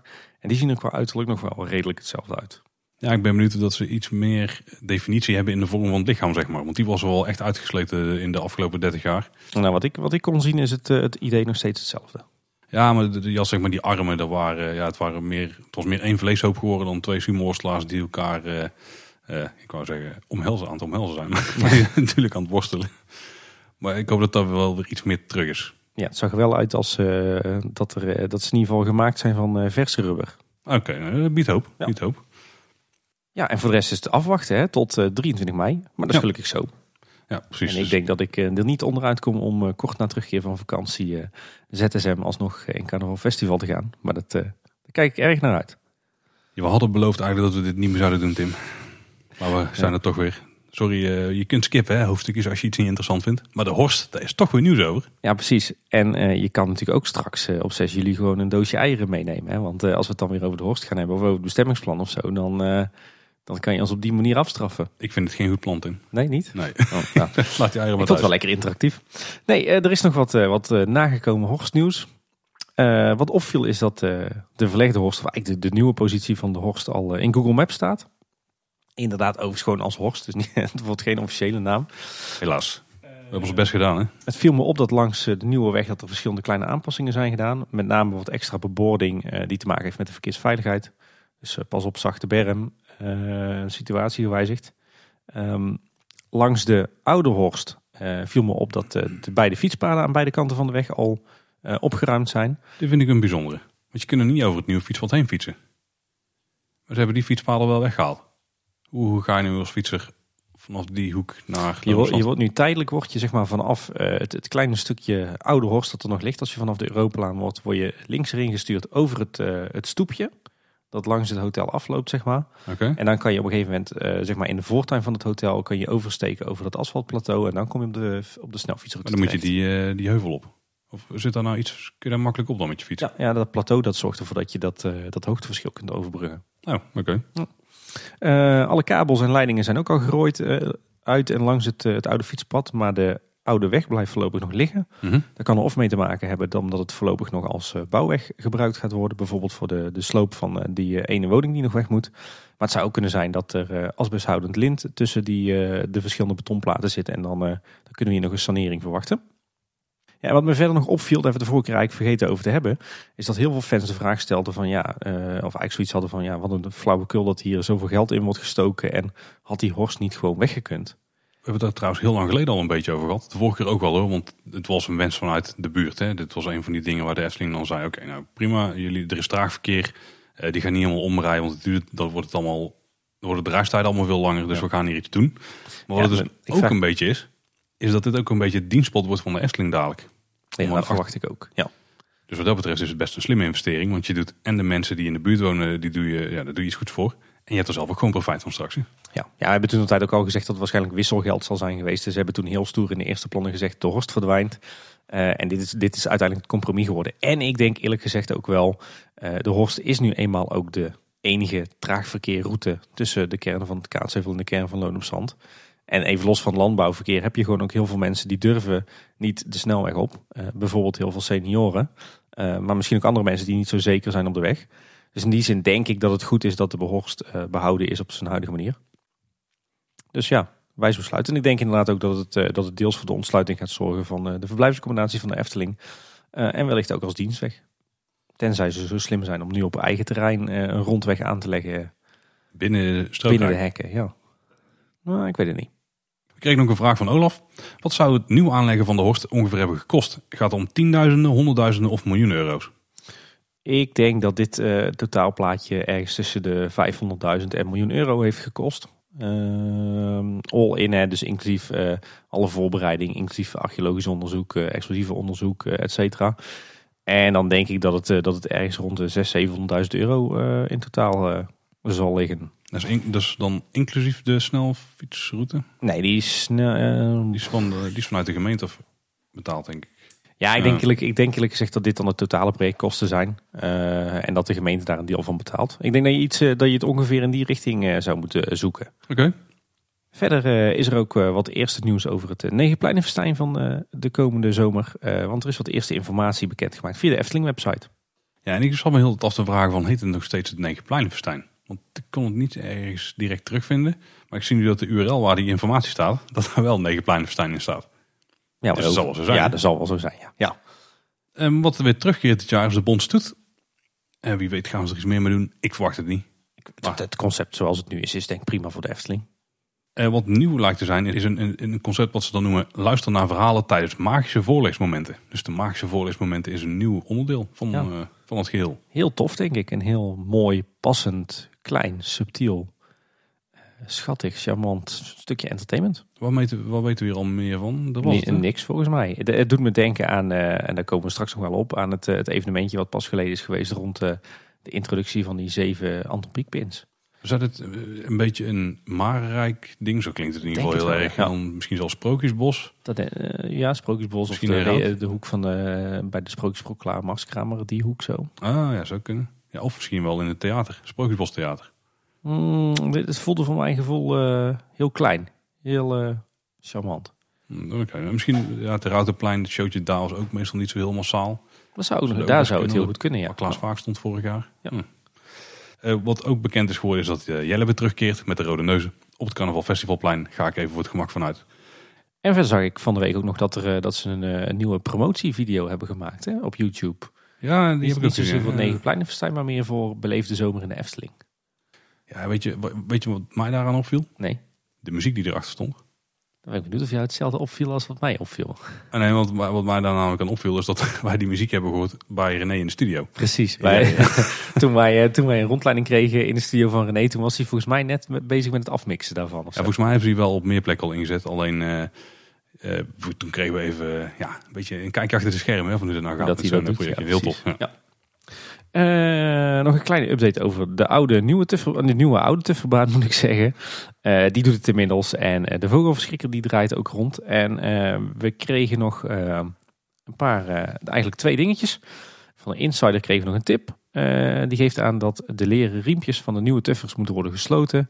Als ze niet gesloten zijn, dan rijdt de tuffer niet weg. Ik heb er dus op gelet, en, want dit vond ik een heel interessant feitje.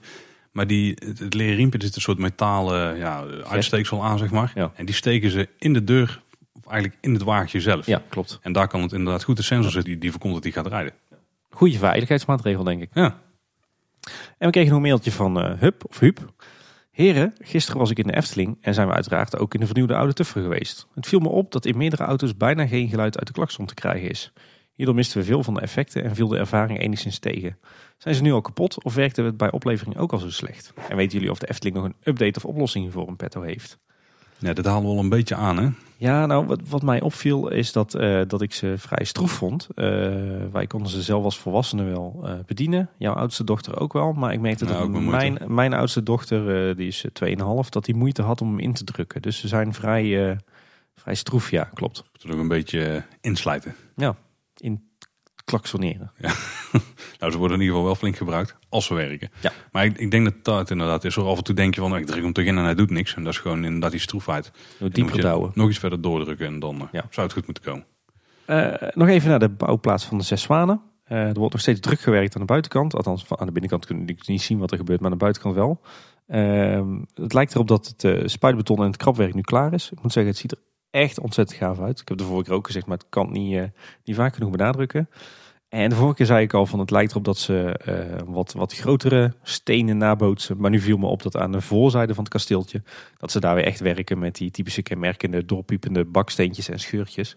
Het ziet er allemaal eh uitermate puik uit, moet ik zeggen. Ja, volgens mij moet er nog wel veel schilderwerk gebeuren. Want nu is het nog wel redelijk in, allemaal in dezelfde kleurtint. Ja, hij moet sowieso nog helemaal ingeschaduwd worden hè, op het moment dat hij klaar is. Is trouwens ook een mooi, een mooi woord, hè? Inschaduwen. Dat is volgens mij ook typisch voor de Efteling zien. Ik heb dat ooit geïntroduceerd bij onze carnavalsvereniging voor eh, onze wagens die wij toen bouwden. En toen moest iedereen ook eh, redelijk hard lachen. Ik denk, dat is toch een heel normaal woord? Ja, en laat inschaduwen. ja, ik weet niet anders. En er wordt ook volop gebouwd aan de rotsen. Die komen vooral volgens mij aan de linkerkant van het gebouwtje. Dus waar je volgens mij met de zwaan invaart, als ik het goed heb. Ja, nog best wel veel oppervlak hoor. Want ik dacht de vorige keren te zien dat er bijna geen rotswerk meer kwam. Maar nog best wel een redelijk, eh, redelijk gedeelte van het gebouwtje wordt Ja, eh, ze hadden rots. tactisch afgeschermd met een eh, witte tent. Ja, Daar kon je helemaal precies. niet zien dat daar helemaal geen stukwerk zat. Nee. Dus dat is wel, eh, nou, dat was een mooi verrassingje. Ja. En het, eh, hadden het de vorige keer over het operatorhokje. Dat een beetje zo'n ouderwets eh ja, roeivijver hokje lijkt te worden.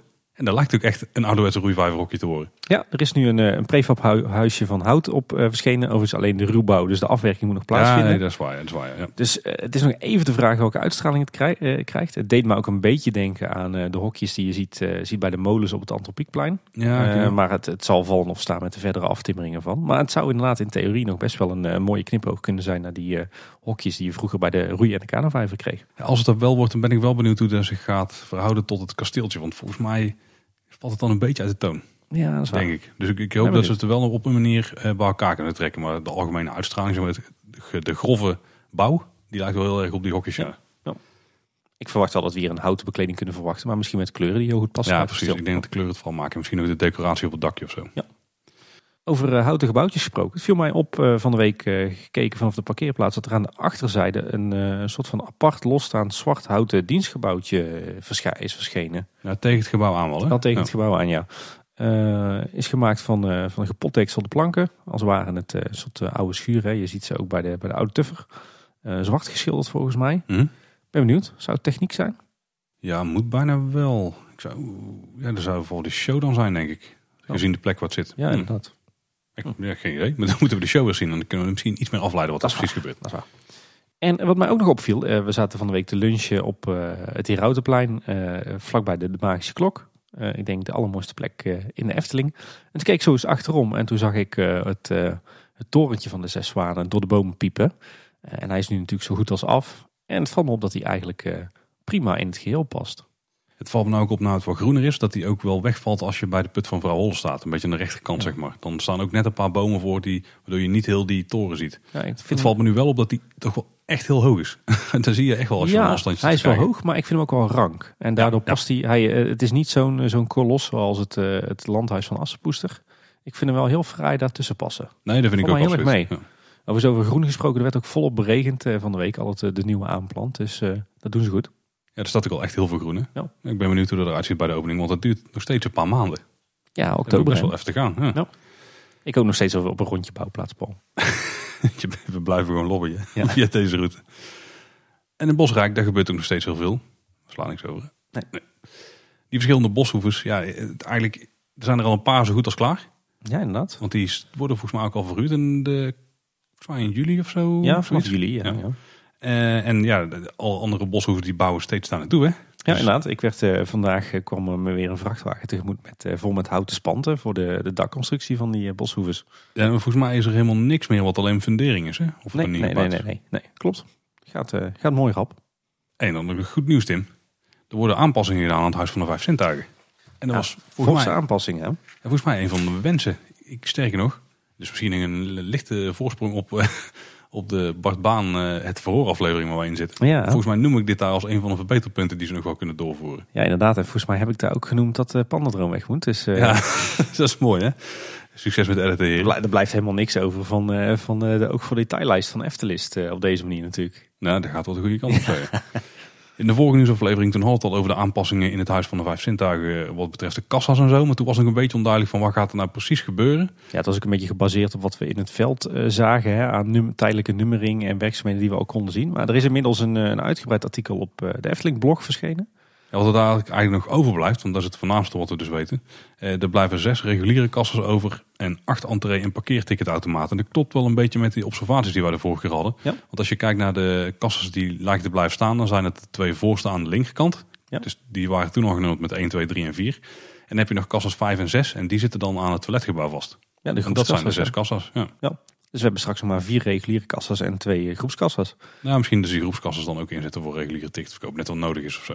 Dat zou kunnen. En daarnaast gaan er nog acht entree- en parkeerticketautomaten komen. Ja, zoals we verwachten ook eh, dus voor een combinatie van... je kunt er eentje parkeertickets halen en je entreekaartjes los van elkaar, maar ook samen. Oh, toch, toch als we kijken naar wat er nu in het Huis van de Vijf Zintuigen gebeurt, en dat is het moment van opname. eh, vandaag nog even gecheckt, maar die hokjes staan er nog steeds. En ze hebben toen eh, het hokje aan de rechterkant weggehaald, want het ging er ook over, willen de doorstroom, Mhm. dus noemt ook specifiek aan de rechterkant, willen we die goed houden. Of willen we die, eh, ja, willen we gewoon goede doorstroom hebben. Eh, maar die hokjes, worden die nu omgebouwd naar die automatische ticket, of naar die ticketautomaten? Ik Of gaan die gewoon echt helemaal weggekomen, de ticketautomaten, achter die bestaande eh kassen te staan? Ik dacht eerlijk gezegd dat ze helemaal weggingen. Maar ja, nou, dat hoop ik eigenlijk ook. Maar ja, voor de doorstroming zou dat wel heel goed zijn. ja. Jullie hebben nu een bredere kinderwagen. Met, Ja. eh, jullie hebben zo'n dubbele duo kinderwagen. En dan zijn die, eh, die, die, die paadjes met die palen waar je tussendoor moet. Dat is allemaal super krap. Ja. Ja, dat is best een krap. Soms past het ook gewoon niet, zeg maar. Nee. Dus eh, ik hoop wel dat ze die weghalen, die achterste. Maar dat, ja, ik weet niet. Ik zie weinig aanwijzingen dat ze dat gaan doen. Vandaag waren graafwerkzaamheden, dus misschien dat er wel bekabeling naartoe gaat. Ook Ja. al bekabeling, dus vanuit het kraaiennest ging het daar naar de kassas toe. Ja. Dus ik ben nog steeds wel benieuwd we er weten nou steeds precies niet gaat 100% zeker. We weten wel een paar nieuwe dingen dankzij die blogartikel. Namelijk eh, naast de gastservice komen twee extra kassas. Met nieuwe digitale informatieborden. En links en rechts extra ticketautomaten. En klopt er iets niet met je ticket bij het scannen bij de controlepoortjes. Dan word je voortaan verder geholpen bij de gastservice. En niet meer in het kraaiennest, zoals dat eh, voorheen altijd ging. Eh, want daar verdwijnt de baliefunctie voor gasten. En zullen ze zich voortaan focussen op het in beeld houden van de Europalaan en de parkeerterreinen. En waarschijnlijk de aansturing daar een beetje van de coördinatie. Ja, dat is natuurlijk ook wel interessant, want was het nut nog om dat dan daar te doen? Dat zou ook prima vanuit Ravelijn eh, kunnen. En nou ja, de, de parkeerplaats die valt natuurlijk onder eh, de entree qua personeel. En dus ik denk dat de hele aansturing van het hele parkeren en, eh, en, en de, de infrastructuur vanuit daar gebeurt als een soort centrale post. Ja, je kunt vanaf daar misschien best goed zien hoe druk het is op de parkeerplaats. Ja, Ja, beste oké. overzicht. Ja, in ieder geval wel goed dat, eh, dat, eh, dat alle gastservice nu ook echt daadwerkelijk wordt geconcentreerd rond de gastservice. Alhoewel ik wel benieuwd ben naar de capaciteit daar, want er staat daar geregeld eh, best een lange rij. Ja, maar ze kunnen wel wat vaker misschien meer eh, loketten openen dan. Ook omdat die mensen niet meer in het kraaiennest hoeven te zitten. Eh, het viel me wel op vandaag dat er, eh, dat er ondertussen ook wordt gewerkt met een kraan aan wat eh, plaatselijke reparaties eh, aan het riet van het dak. Oh. En eh, dat wordt een beetje gestopt. En eh, het glas in loodraam, ehm, dat zou gaan komen waarvan we al heel lang eens meer gehoord hadden. En misschien wel hadden gehoopt dat het eh, dan maar niet door zou gaan. Hè. Eh, dat lijkt nu toch te komen. Het staat gepland de realisatie voor voorjaar 2019. Dus morgen Dat is het er. Zou dan op heel korte termijn Ja. moeten gebeuren, ja. Ja, het lijkt een kwestie van stickers te plakken te zijn. Dus als je daar iemand met een hoogwerker neerzet voor een, een dag of twee, drie, moet het toch wel heel aan het lukken, denk ik. Ja, ik denk het ook, ja. Ben benieuwd naar het resultaat. Misschien valt het mee. Nou, we gaan het daar nog wel meer over hebben. Maar de onderhoudsplanning voor de tweede helft van 2019 die staat online. Ja, altijd Eh, eh, interessant. Genoeg eh, te bestuderen. En toen die online kwam, toen viel een aantal mensen viel eigenlijk meteen op dat het huisje van mevrouw Holle van 9 september tot en met 1 november in de onderhoudsplanning was opgenomen. Ja. En toen dacht iedereen van, dat is wel lang, dat is bijna drie maanden, gaat er iets gebeuren? Hebben we even gecheckt. En er blijkt dat daar inderdaad wel iets gaat gebeuren, ja? Ja, het huisje wordt uh, volledig vervangen en uh, opnieuw opgebouwd volgens de standaarden van nu. Ja, de, de, staat van het huisje was wel bekend in de afgelopen maanden dat hij niet heel goed was. Er waren wel stukken aan het afbrokkelen, er kwamen wel gaten aan de buitenkant. Want het was natuurlijk gewoon gemaakt met een beetje, ik denk, de kippengaas en stukwerkconstructie. Ja, als, je, als onze luisteraars een beetje onze historieaflevering hebben uh, geluisterd, dan weten ze dat dit voorheen een houten blokhut was. Maar die is in de jaren 50 gewoon bekleed met stukgaas en daar is de stukwerk tegen aangesmeten. En er kwamen dus gaten in. Er werd een beetje, ja, een beetje wat groen omheen gezet om een beetje uit het zicht te onttrekken. Maar daar, ja, er was toch wel duidelijk dat er iets moest gaan gebeuren. Ja, je kon merken dat het, het huisje aan het verzakken was. Vandaar uh, al die scheurvorming, het stukwerk wat eruit klapte, vanaf klapte. Maar ook dat ze die uitbouwen, die uitkragingen moesten gaan stutten. Ja, omdat ze dan natuurlijk vorig jaar een flink gat naast hebben gegraven. om al die datakabels daar binnen te brengen. Daar hebben we het al een paar keer over gehad ik kan me zo voorstellen dat zo'n houten blokhut eh, in 1940, eh, toen die gebouwd werd, nou niet bepaald heel goed gefundeerd zal zijn geworden. Waarschijnlijk hebben ze gewoon die eh, houten palen in de grond gejast. dus ja, als je daar dan een gat van een meter bij een meter en twee meter diep bij gaat maken, dan kan je natuurlijk op je klompen aanvoelen dat zo'n huisje op een gegeven moment gaat verzakken. Nou, ik denk dat het wel goed is dat ze dit natuurlijk gaan aanpakken, want ja, je kan hem ook laten instorten. dat is ook niet echt bevorderlijk, ook voor de uitstraling van het Sprookjesbos. maar was wat twijfel aan jouw kant, voelde ik, Tim? Ja, ik ben op zich heel erg blij dat ze kiezen voor deze serieuze aanpak. Hè. Dat ze zeggen van, joh, uh, we gaan hem gewoon helemaal opnieuw uh, opbouwen in dezelfde stijl, maar dan uh, met nieuwe materialen. Dus ze laten het zeker niet versloffen. Ja, het enige wat ik wel heel erg jammer vind, is dat dit natuurlijk een huisje is met enorm veel historie. Hè. Het, het, staat al sinds 1940, dus we kunnen met zekerheid zeggen dat het het alleroudste gebouw is in de Efteling dat er nog steeds staat. Het heeft ook een hele rijke historie. Het begon als, eh, als een soort buitenhuis van de, de scouting van Kaatsheuvel. Werd in de jaren 50 een souvenirwinkel. Uh, daarna het Sprookjesmuseum. Daarna heeft er nog een tijdje een, een actiefoto ingezeten. En nu uiteindelijk het huis van vrouw Holle. Dus een hele interessante geschiedenis. Ja, en als je dat huisje plat gooit, dan is het weg. En natuurlijk kan je dan een nieuw huisje opbouwen. En ik ben er zeker van dat het er ongeveer hetzelfde uit gaat zien. want dat kan de Efteling wel. Maar het is wel een ander gebouwtje. Dus maar is dat ook niet een stukje historie? De ziel is er wel een beetje uit dan. Ik heb de Notre Dame ook afgebrand en dan gaan ze ook iets nieuws opzetten. En dan is er ook weer een nieuw deel van de historie. Al staat er nog wel veel. Ja, slechte, slechte vergelijking. Nou ja, weet je wat is? Daar behouden ze wel zoveel mogelijk van het oude. Kijk, dat is een beetje sowieso. Ik ben heel erg blij daarmee dat ze dit zo serieus aanpakken. En dat we dus een, uh, een nieuw gebouw krijgen met nieuwe technieken, nieuwe materialen. Wat er echt weer 50 jaar tegen kan. En ik heb er ook echt wel vertrouwen in dat het er ongeveer hetzelfde uit gaat zien. Maar je moet het zo zien. Daar komt een beetje mijn bezwaar vandaan. Stel dat dit nou buiten de Efteling had gestaan. En het was een monument geweest. Of het had in de Efteling gestaan, het was een monument geweest. Dan had er toch een hele, hadden er toch hele andere uh, regels gegolden. Kijk, wat de Efteling nu waarschijnlijk gaat doen is uh, die redden wat, uh, wat elementen. Hè. Misschien die, die hoekblokken met die gezichtjes erin. Misschien de windvaantjes. Natuurlijk het tafereeltje van vrouw Holle. En daarna douwt het huisje plat, wordt het afgevoerd en beginnen ze opnieuw. Is het, was het een monument geweest, dan was, was er waarschijnlijk gezegd van nou, hè, trek, uh, trek dat stukwerken maar vanaf van die stukgaas. Uh, dat is toch allemaal niks meer waard. Uh, dat maken we wel opnieuw. Maar bijvoorbeeld de hele houten constructie uit 1940, die gaan we nummeren, voorzichtig uit elkaar halen, opknappen. ondertussen storten we een nieuw betonvloertje en dan gaan we die hele houten constructie die nog uit 1940 stamt, gaan we weer op dezelfde manier opbouwen. misschien dat ze dan ook nog andere elementjes uh, behouden. Denk aan uh, bijvoorbeeld kozijntjes en het glas. Uh, en we gaan die allemaal weer, die oude spullen, terugplaatsen op die nieuwe vloer en die nieuwe fundering. We gaan wel weer nieuw stukgaas en nieuw stukwerk aanbrengen. Maar dan was het hart, de, de, de ziel van het gebouwtje, was nog steeds behouden gebleven. Dan was het nog steeds, voor het grootste gedeelte, het originele gebouwtje uit 1940 geweest. En dat is een beetje nu, nu mijn bezwaar. Dat zijn we natuurlijk ook bij Roodkapje. Schitterend dat dat helemaal nieuw wordt gebouwd. Uh, met uh, staalconstructie en metselwerk en stukwerk tegenaan. Prima, dat blijft ook weer 100 jaar goed. Maar het is niet meer dat originele gebouw. En ja, is het dan kwalijk of niet? Um, Disney zei, it's not a museum. Dat ging natuurlijk over Disneyland, maar dat geldt ook in zekere zin voor de Efteling. Efteling is geen openluchtmuseum. Maar ja, ergens vind ik het toch wel jammer uh, dat zo'n huisje uit 1940 gewoon met de grond gelijk wordt gemaakt. En dat is een beetje mijn bedenking erbij. Maar begrijp me niet verkeerd, ik ben heel blij dat ze dit zo serieus aanpakken. Hmm. Alleen je bent natuurlijk een enorme knurft achter een gat van een meter bij een meter bij een twee meter diep graven naast zo'n huisje. Dus voorkomen is beter dan genezen. Ja, ze gingen even kijken wat daar nou voor fundering onder zat. En dat bleek helemaal niks te zijn.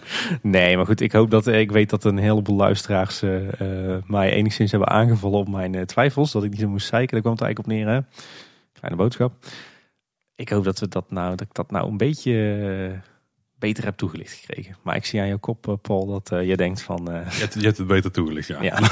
dat, dat, dat, daarop houden. Ja, het maakt me echt helemaal niks uit wat ze ermee doen. Het gaat uiteindelijk om de uitstraling. Want het originele gebouwtje was het al lang niet meer. Want daar zien we bijna niks meer van. Buiten misschien uh, drie houten balken. Dat zit verstopt achter dat uh, stukwerk. Ja, maar het zit verstopt. Had je dan, eh, dus we hebben er al jaren niks meer aan, zeg maar. Daar, daar krijgen we al jaren niks van mee wat eronder zit. Ja, maar stellen we nou het stoomcarouselpaleis, of dat we het carouselpaleis gaan onderhouden. En we zeggen, ah, al die houten panelen, die moeten iedere drie jaar geschilderd worden. Weet je wat, die gaan we afmallen en die gaan we in kunststof maken.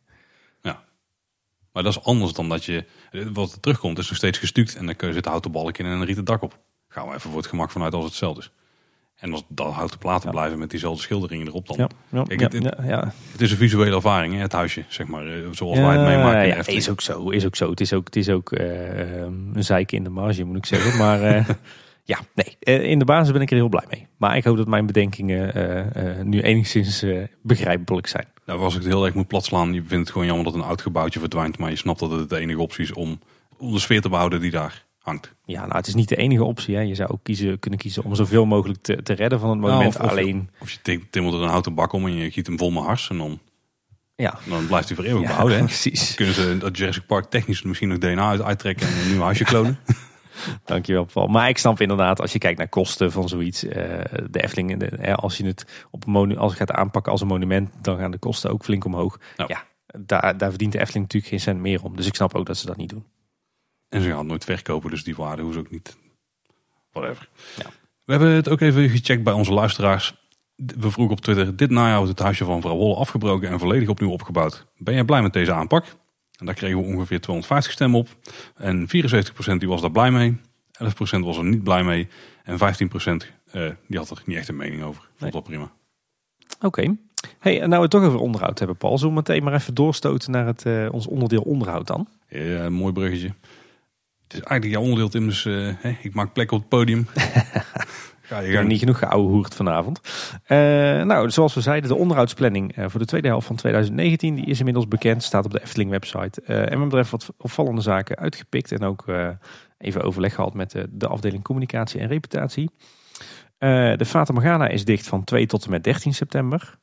we hebben even gecheckt van wat gebeurt er dan. Want je, bent, je hebt toch net groot onderhoud gehad. Maar het blijkt dat dat regulier kleinschalig onderhoud is. Dus daar verwachten, hoeven niks spannends te verwachten. Joris en de Draak is dicht van 16 tot en met 27 september. Slaan ze wat planken tegenaan, denk ik. Ik denk het ook.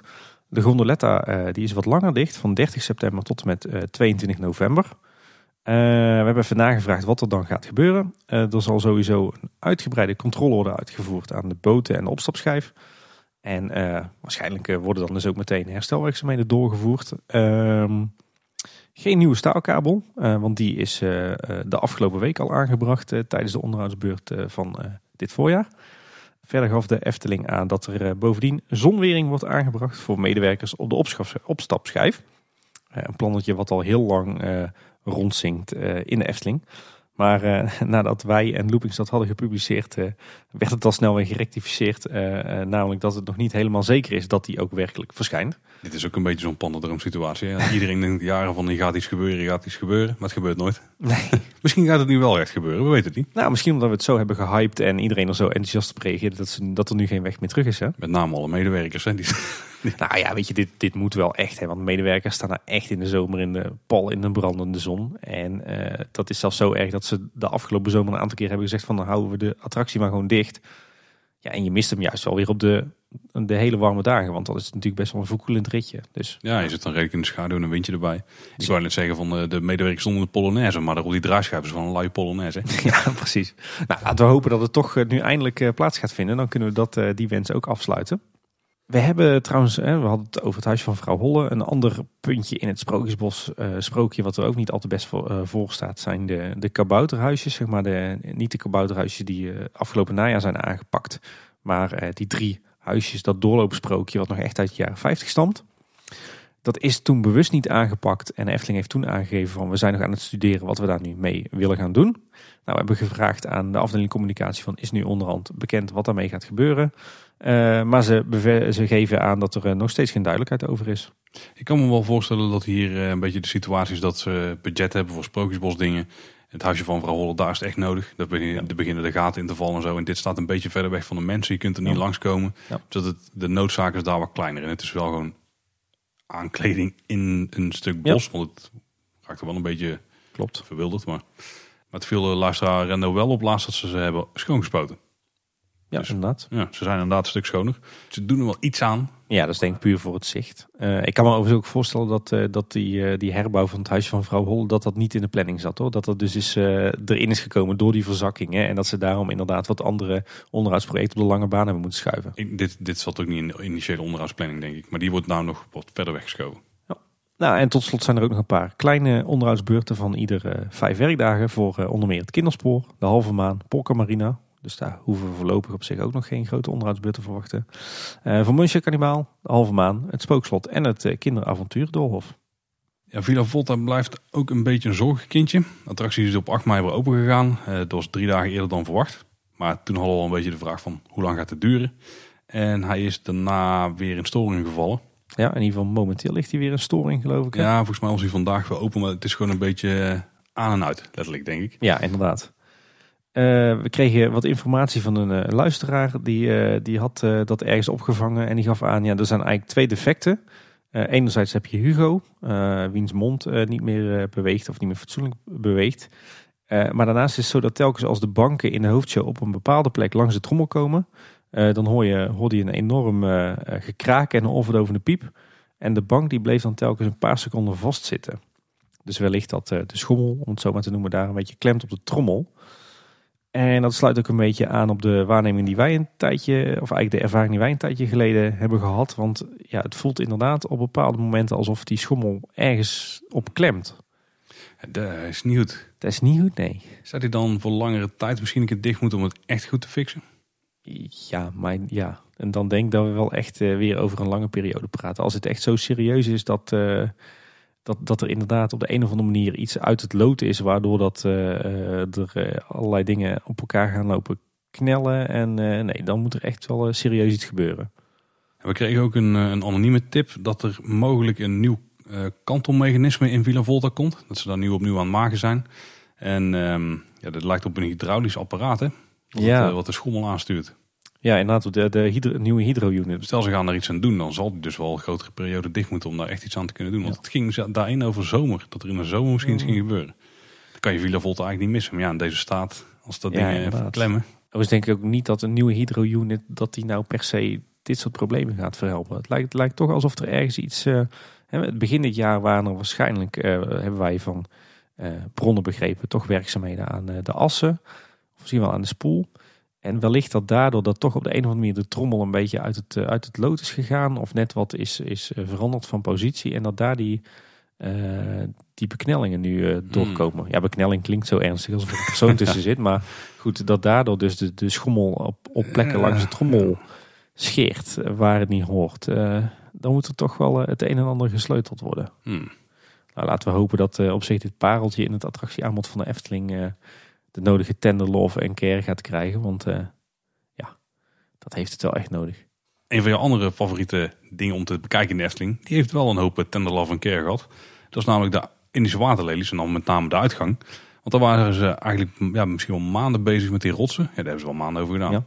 En die zijn inmiddels klaar. En die zijn ook ingeschaduwd, een beetje uitgekrapt. Nou, het ziet er eigenlijk gewoon heel mooi uit. Het ziet er super uit. Veel realistischer eh, rotsen dan wat het was. Wel, wel een hele andere, ander soort kleuren. De oude rotsen zaten echt meer richting het, uh, echt lichtgrijs. En dit zit dan meer richting het bruin. Maar op zich wel vrij. Ik heb zelfs nog niet kunnen checken of dat het plafond nu ook echt veel hoger is. Is dat zo dat jij Volgens mij wel, ja. Oké, okay. hij lijkt er inderdaad wel op. Maar uh, vandaag was hij bijvoorbeeld dicht. Dus kon niet checken.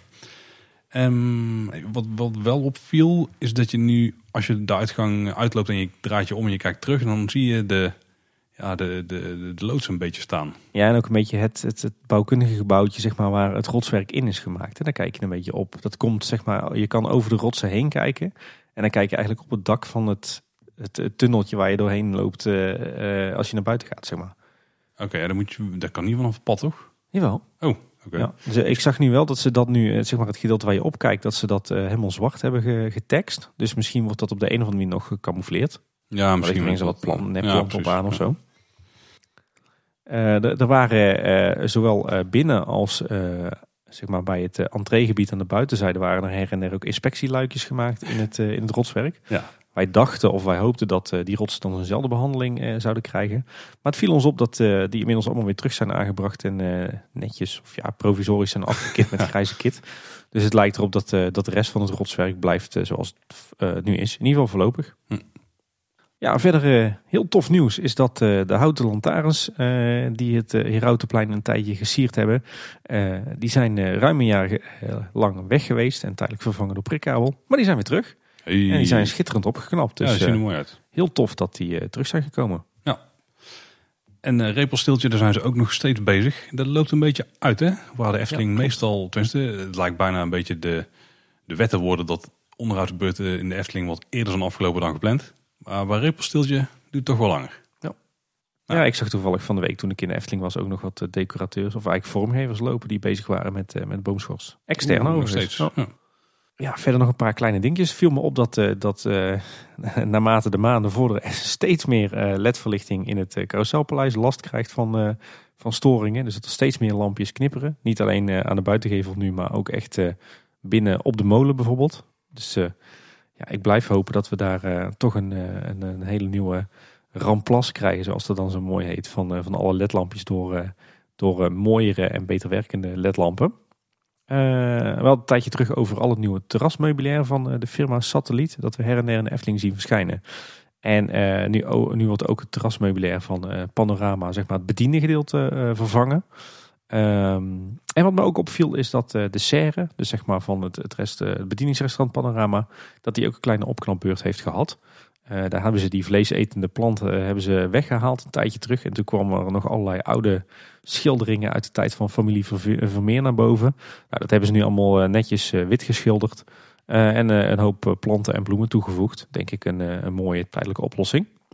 Verder is er volop geschilderd aan de voorgevel van het Efteling Theater. Met name eigenlijk het gedeelte eh, zeg maar van de, de begane grond. Eh, en eh, ik zag toevallig afgelopen woensdag dat daar ook weer lekker aan werd ingeschaduwd. En dat ziet er bijzonder fraai uit. Ja, De vorige aflevering meldde dat ze de groepskluizen achter de RWO-unit aan het schilderen waren. En die zijn inmiddels helemaal klaar. Daar hebben ze wat stickers opgeplakt met mallen en die geschilderd. En nu staan er overal wat reizigers op, hè, met koffers. Ja, die stonden er al op hoor. Ja, maar nu staan ze weer opnieuw op. Ja, de hele EBO-post, daar is het houtwerk van geschilderd. We kregen er wel een vraag over nog van Arendo. Hoe kom je aan de sleutel voor een groepskluis? Nou, hoe het tegenwoordig zit, weet ik niet mm, zeker meer. Want het viel me op dat er niks meer over te vinden is op de website. Was vroeger wel zo. Maar ik weet dat het vroeger zo was dat je de sleutel kon afhalen bij de EHBO-post. Eh, maar toen was het volgens mij alleen voor groepen vanaf 20 personen. Dus of dat tegenwoordig nog zo is, weet ik niet. En dan met 20 personen één kluis, of dan krijg je een paar kluizen. Ja, volgens mij één kluis. Serieus? Ja, maar die dingen die zijn echt gigantisch groot. Ja, dan kun je gewoon in slaap of zo. Ja, bijna wel, ja. Eh, verder viel me ook op dat er in Bosrijk niet alleen gebouwd wordt aan nieuwe boshoeves, maar dat er ook eh, wat onderhoud en kleine aanpassingen gebeuren aan eh, de wegen, de paden en de bruggen. Ja, en de Fata Morgana leek één boot uit, de, uit het rijtje gehaald te zijn. Die was vervangen door zo'n bananenboot. Ja, twee van die Leek bijna wel een Photoshop. plastic rollen. Ja, die hebben we al vaker gezien. Ja, en ik vroeg me af waarom dat die uit de vaart is genomen. Misschien voor onderhoud, maar er zijn natuurlijk nog steeds geruchten dat er ook ooit een keer een minder valide boot eh, gaat komen eh, waar eh, rolstoelen zo ingereden kunnen worden. Dus wellicht doen ze daar wat testjes mee. Maar goed, dat is vooral wishful thinking. Hm. En we hoorden ook nog de, dat er eerder deze week, of eigenlijk afgelopen week, dat er een storing was in de Fata Morgana. Doordat er een boot van de stouwkabel was losgeraakt. Is dat niet de reden dat die bananenboot erin lag? Nee, want dat was al daarvoor. Oh, oké. Hm. Eh, Ramon die wist nog te melden dat de fouten in de tovertafel in het Efteling Museum waren verbeterd. Want er zaten een paar foutjes in. Met de restaurants op verkeerde plekken volgens mij. En Ja. met verkeerde informatie die openen op bepaalde plekken. Is gefixt. Dus als je nu naar die tafel gaat, dan eh, zou alles moeten kloppen. Ja, inderdaad. En eh, mij viel van de week op dat eh, de lindes op het van eh, Tom van de Venplein, die elf stuks, hè, omdat eh, dat verwijst dan weer naar de elf letters van de naam Tom van de Ven. We hebben het erover gehad in onze aflevering met Mario Dieltjes. Maar die gaan hartstikke dood. Viel mij Oh. op. Dat is een beetje jammer. Dat is dan heel jammer, ja. Zeker Oh. gezien de symboliek die erachter Ja. hangt. Hm. Er zijn ook wat werkzaamheden aan de Pardoespromenade. De voorjaarsbloeiers, die worden gerooid. En de herstelwerkzaamheden aan de vijvers, die worden nu uh, gedaan. Ja, zijn ook leeggepompt volgens mij aan de rechterkant. Ook vanwege de uitbreiding van het terras. Ja, het lijkt erop dat ze het gecombineerd hebben nu. Hè. Het, het, was, het is wat jij zegt, hij was leeg, leeggepompt voor, de, voor het terras. Het nieuwe terras, het uitgebreide terras van Octopus. Maar uh, er werd van de week ook uh, volop geplekt aan, aan de vijverfolie. Hm. En dan hebben we nog kort nieuws. Er is een nieuwe seizoenspannenkoek bij Polles Keuken. Jee. En meestal haal dit nieuws niet, want er komen natuurlijk geregeld van die pannenkoeken. Maar nu was het de pannenkoek frikandel speciaal. Ja. En daar wil iedereen natuurlijk wel een hapje van mee eten. Ja, aan de ene kant vond ik de gedachte vrij ranzig. Maar ah, ik, het is wel toch een paar keer, ik heb hem toch een paar keer gezien dat ik dacht van... Eigenlijk heb ik er toch wel zin in, als een soort van guilty pleasure. Ik zie ook in onze show notes dat je, de, dat je frikadel speciaal hebt opgenomen. Ja, dat is een eeuwigdurende discussie. Is het nou frikadel of is het nou frikandel? Het is frikandel, want een frikadel is een uh, bolvormige gehakt snack in België. Ah. Ik heb het even bij uh, onze taal gecheckt. Ah, oké. Nou, frikandel moet het zijn dan. Zeker. Uh, de Efteling die sponsort dit jaar weer vol op het Pleinfestijn in Kaatsheuvel. Dat is dus het geweldige jaarlijkse evenement hier in de buurt. Op het Bruisendorp, in het Bruisendorp, zegt. We kunnen het niet genoeg herhalen. En op donderdag 23 mei dan sponsort de Efteling, of dan is de, op donderdag 23 mei is de Efteling Familiedag. En op vrijdag 24 mei de Efteling Seniorenmiddag. Ja. Uh, verder zijn er uh, weer een, uh, een, aantal interessante vacatures. zo zoeken ze bij de Efteling nu een teamlead, oftewel een teamleider, onderhoud en service verblijf. Dat is zeg maar de, de eigen TD die de business unit verblijf sinds kort heeft. ze zoeken een junior greenkeeper op het golfpark. En ze zoeken een monteur elektro. Dus heb je interesse, kijk even bij de vacatures van Efteling. Ik kreeg nog een tip van Roy. Op 21 april werd de 100ste voorstelling van Caro gespeeld. Tot nu toe zijn er 75.000 mensen naar de show geweest. Ja, mooie aantallen denk ik. Ja, dat is ongeveer 750 per uh, show. Dus dat is ongeveer driekwart van het theater, toch? Ja. Dat is op zich netjes. Ja. En verder is de Efteling genomineerd als eh, beste merk bij de Best Social Awards 2019. Dat is een beetje standaard antwoord volgens mij. inderdaad. Maar nu is Martijn weg. Zou ze het gaan redden? Ik denk dat het Overland volgend jaar uh, zou, ge, genomineerd wordt. Dat zou een beetje jammer zijn. Ja. Nou, tenminste, voor de Efteling dan. Hè. Ja. En dan nog een hoop merchandise nieuws. Echt enorm veel merchandise nieuws. En vanaf 10 mei is er een nieuw fotoboekje. Tim, er werd zelfs een bericht in het Efteling blog aangeweid. Ja, en dat was echt uh, bijna fanporno, om het zo maar te zeggen. Uh, er was namelijk echt een schitterende foto van uh, alle 43 edities van de Efteling fotoboekjes op de juiste volgorde zelfs. Ik denk dat heel veel verzamelaars daar heel erg jaloers op waren. Ik zeg trouwens fotoboekje, dat is een beetje de term die, we, die de meeste mensen bezigen. Maar er werd hier heel consequent het souvenirboekje genoemd. Grappig is dat ze het meerdere keren hadden over het feit dat het een collectors item was. Dus ja, het was echt een blogpo eh, blogpost die echt helemaal gericht was op de liefhebber en de verzamelaar. Nou ja, het, het nieuwe boekje is 60 pagina's groot, meer dan 100 foto's. In het midden zit een nieuwe uitklappagina van, met het thema symbolica. En deze keer staat er een elfje van de Indische waterlelies op de, op de cover. Oh. ja, ook heel veel kleine wijzigingen. weer net wat andere foto's. Je kunt op eh, Eftepedia staat een uitgebreid artikel over het fotoboekje. En Eftel Nerd heeft er ook heel wat tweets aangeweid aan de vergelijking met de vorige versie. En ik heb hem ook maar weer aangeschaft natuurlijk voor de, in de verzameling. Uiteraard. En viel nog wat dingen op? Ja, ik zat hem zo eens door te, door te bladeren. Ik heb dan niet die analyse gemaakt van, joh, wat zijn nou de exacte wijzigingen ten opzichte van de vorige editie. Maar over het algemeen viel me wel op dat het eigenlijk toch een heel raar boekje is. Want het is echt een, een samenraapsel van uh, stokoude foto's met echt nog zo'n jaren tachtig gevoel, weet je wel. Uh, en, en ook hele moderne foto's waar echt enorm veel aan gefotoshopt is en niet aan klopt. En dat is allemaal samengehusseld in zo'n boekje. Het, is, het, is, het voelt eigenlijk heel raar. Maar ja, aan de andere kant, daardoor is het ook alweer het fotoboekje en voelt het ook als echt een collectors item. Het souvenirboekje, Tim. Oh ja. Ik ben in ieder geval blij dat ik hem weer heb. Zaterdag 11 mei was er een speciaal Andon Peak Pin event in de Marskramer. En dat was tussen ja, 10 en 1. ja. ja. Was ook best wel druk trouwens. Ja, ik heb foto's gezien, ja. En uh, dan kon je een set van zeven nieuwe pins met Anton Pieck tekeningen. Die kon je daar uh, kopen. Die werden ook uh, voor het eerst waren die daar beschikbaar. Duizend stuks. Het is niet alleen de pins, maar ook een beetje de presentatie die daarbij wel. Pin, eigenlijk waren de pins misschien maar bijzaak. Ja, niet voor de pinverzamelaars natuurlijk, maar voor mij persoonlijk wel. Nee, dit was op zich een heel mooi product. Hè. Ze hadden een, eigenlijk een soort mini-sprookjesboekje gemaakt. Maar daarin zeven verhalen. Dat waren overigens hele korte versies van, uh, van de, de, de, typische Efteling sprookjes. Ook best wel, er zat best wel veel humor in. En die zeven verhalen die, die verwezen dan weer naar de, de zeven pins, zeg maar, waar eh, de, de typische piektekeningen van waren gemaakt. En, een, echt een heel mooi, uh, heel mooi stukje merchandise. Ja, een set van zeven pins. Ik weet niet of dat ze nog zijn trouwens op dit moment. Die kostte 25 euro. vanaf 11 mei ook te koop bij de Marskramer en de Lutique. Ja, ik heb ze gekocht zelf bij de Marskramer. En het viel me op dat er was een paar dagen na dat event. En toen waren er nog volop van die boekjes. Oh, dus, okay, ja. En wat wel tof was, ze hadden er echt dus vanuit de Efteling ook iets van gemaakt. Dus er stond een uh, marktkraam met wat koffie en thee. En je kon een Efteling krakeling halen. Dat heb ik gemist. Maar... Ik ook. Toch weer een signature snack. Ah, ja, dat lijkt wel op, ja. En die was gratis wanneer je de pins had gekocht. En tussen 11 en 12, en daar refereerde je net al naar, toen was er uh, een vertelkabouter. En die las de zeven sprookjes uit het Bini-sprookjesboekje voor. Ja, misschien een voorproefje van dat, uh, die voorleesmomentjes die we van de zomer gaan krijgen. Dat was volgens mij gewoon met zitzak op de grond, ergens in een hoekje of zo. Ja, ja. ja tof. Nou, als je nog meer dingen van Efteling wil kopen, vanaf 11 mei kun je ook nieuw blond servies kopen. En er is een nieuwe set dus van Droomvlucht. Dat kan ik me bij blond helemaal voorstellen. En een mok van de zes zwanen. Ja. ja het is blond, hè. Je moet ervan houden. Ja, ik dus vooral niet. ja, ik geef er ook helemaal niks om. Maar ik, ken wel mensen die helemaal fan zijn. Dus, ja, ik weet dat wij uh, ooit... Uh, ja, het is eigenlijk heel ondankbaar dat ik ooit als kerstpakket kreeg ik allemaal spullen van Blond. Was volgens mij een fortuin waard. Maar ik vind het echt afgrijzelijk lelijk. Die hebben voor goed veel geld op marktplaats weten te verpassen. Dus we hadden toch nog een klein beetje een leuk kerstpakket. Een klein beetje profijt van. Ik vind dat je er goed hebt gedaan. Oké. En je kunt tegenwoordig ook slippers met Efteling thema kopen. Van onder andere Roodkapje, Ravelijn of het Efteling logo. En die laatste dan voor volwassenen en de rest voor de kids natuurlijk. Ja. En die kun je eigenlijk alle winkels wel kopen.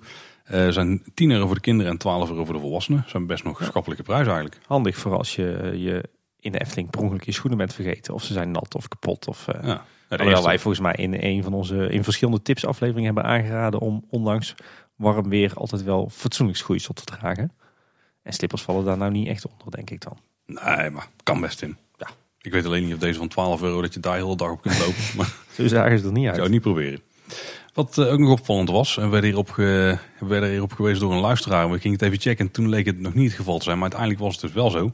Het voormalige Rabobankkantoor, dus wat eigenlijk tegenover het dienstencentrum staat. Dus je, ja. je rijdt er langs als je naar de Efteling gaat over de Europalaan. Um, die staat te koop. Die ja. was van de Efteling. Uh, volgens mij met het idee van hier gaan we gewoon kantoorruimte gebruiken. Zodat het een beetje, een beetje kunnen ontlasten binnen de parkgrenzen. Ja, volgens mij was het tweeledig. Hè? Op die locatie lag vroeger de Steenbakker groot mm -hmm. restaurant. Die heeft de Efteling toen aangekocht omdat hij eigenlijk uh, voor te veel concurrentie zorgde op de Efteling horeca. Heeft Efteling uiteindelijk, daar hebben ze niks mee gedaan, die hebben ze gesloopt. Toen heeft die locatie heel lang braak gelegen. Toen hebben ze de grond weer verkocht. Uiteindelijk is daar uh, onder meer het Rabobankkantoor op gezet. Nou, nou ging de Rabobank daaruit. Uh, en toen heeft Efteling hem weer aangekocht. Ehm, wellicht inderdaad om ter vervanging van de kantoorruimte in het stuurhuis. Maar volgens mij ook wel als een soort van strategische aankoop. Om te voorkomen dat er op die plek iemand anders op die AAA-locatie aan de Europalaan ging zitten. Maar ja, gek genoeg verkopen ze hem nu dus weer. Ja. En er is wel goed over nagedacht, hebben ze zelf gezegd. Dus. Ja, Dat is toch geruststellend. Maar het is grappig hoe vaak dat die uh, locatie inmiddels van eigenaar is gewisseld. En dat daar verschillende keren de Efteling tussen zat. Nou, nou, nou die tip kregen we in ieder geval eerder van luisteraar Roy. Ja. Een beetje vreemd wel hè? Ja. Ik, als ik de Efteling was, had ik die toch uh, vooral zelf gehouden. En, en daar wat kantoorfunctie naartoe gebracht. Maar goed, wie zijn wij? Ik zag een interessant artikeltje in uh, de Duinkoerier. Uh, en dat gaat over een uh, klein natuurgebiedje dat, dat aan het ontstaan is bij de Bernshoef. Het buurtschap waar we het al vaak genoeg over gehad hebben. Het gaat om een braakliggend gemeenteterrein. Het, het, oostelijke deel daarvan was al jaren in gebruik als gemeentelijke opslagplaats voor zand, stenen en strooizout. En in de toekomst gaat de Efteling op dat deel verblijfsrecreatie inrichten. En dat weten we, daar komt die camperplaats. Maar het blijkt dat er ook nog een westelijk deel is. En daar stond tot in de jaren 70, uh, 80 een woonwagenkamp. Oké, okay, dus nu voor mij. Lag echt extreem uh, afgelegen trouwens. Uh, en dat stuk heeft 30 jaar lang braak gelegen. En, en, er is nu iemand die wil daar een stukje natuur gaan realiseren.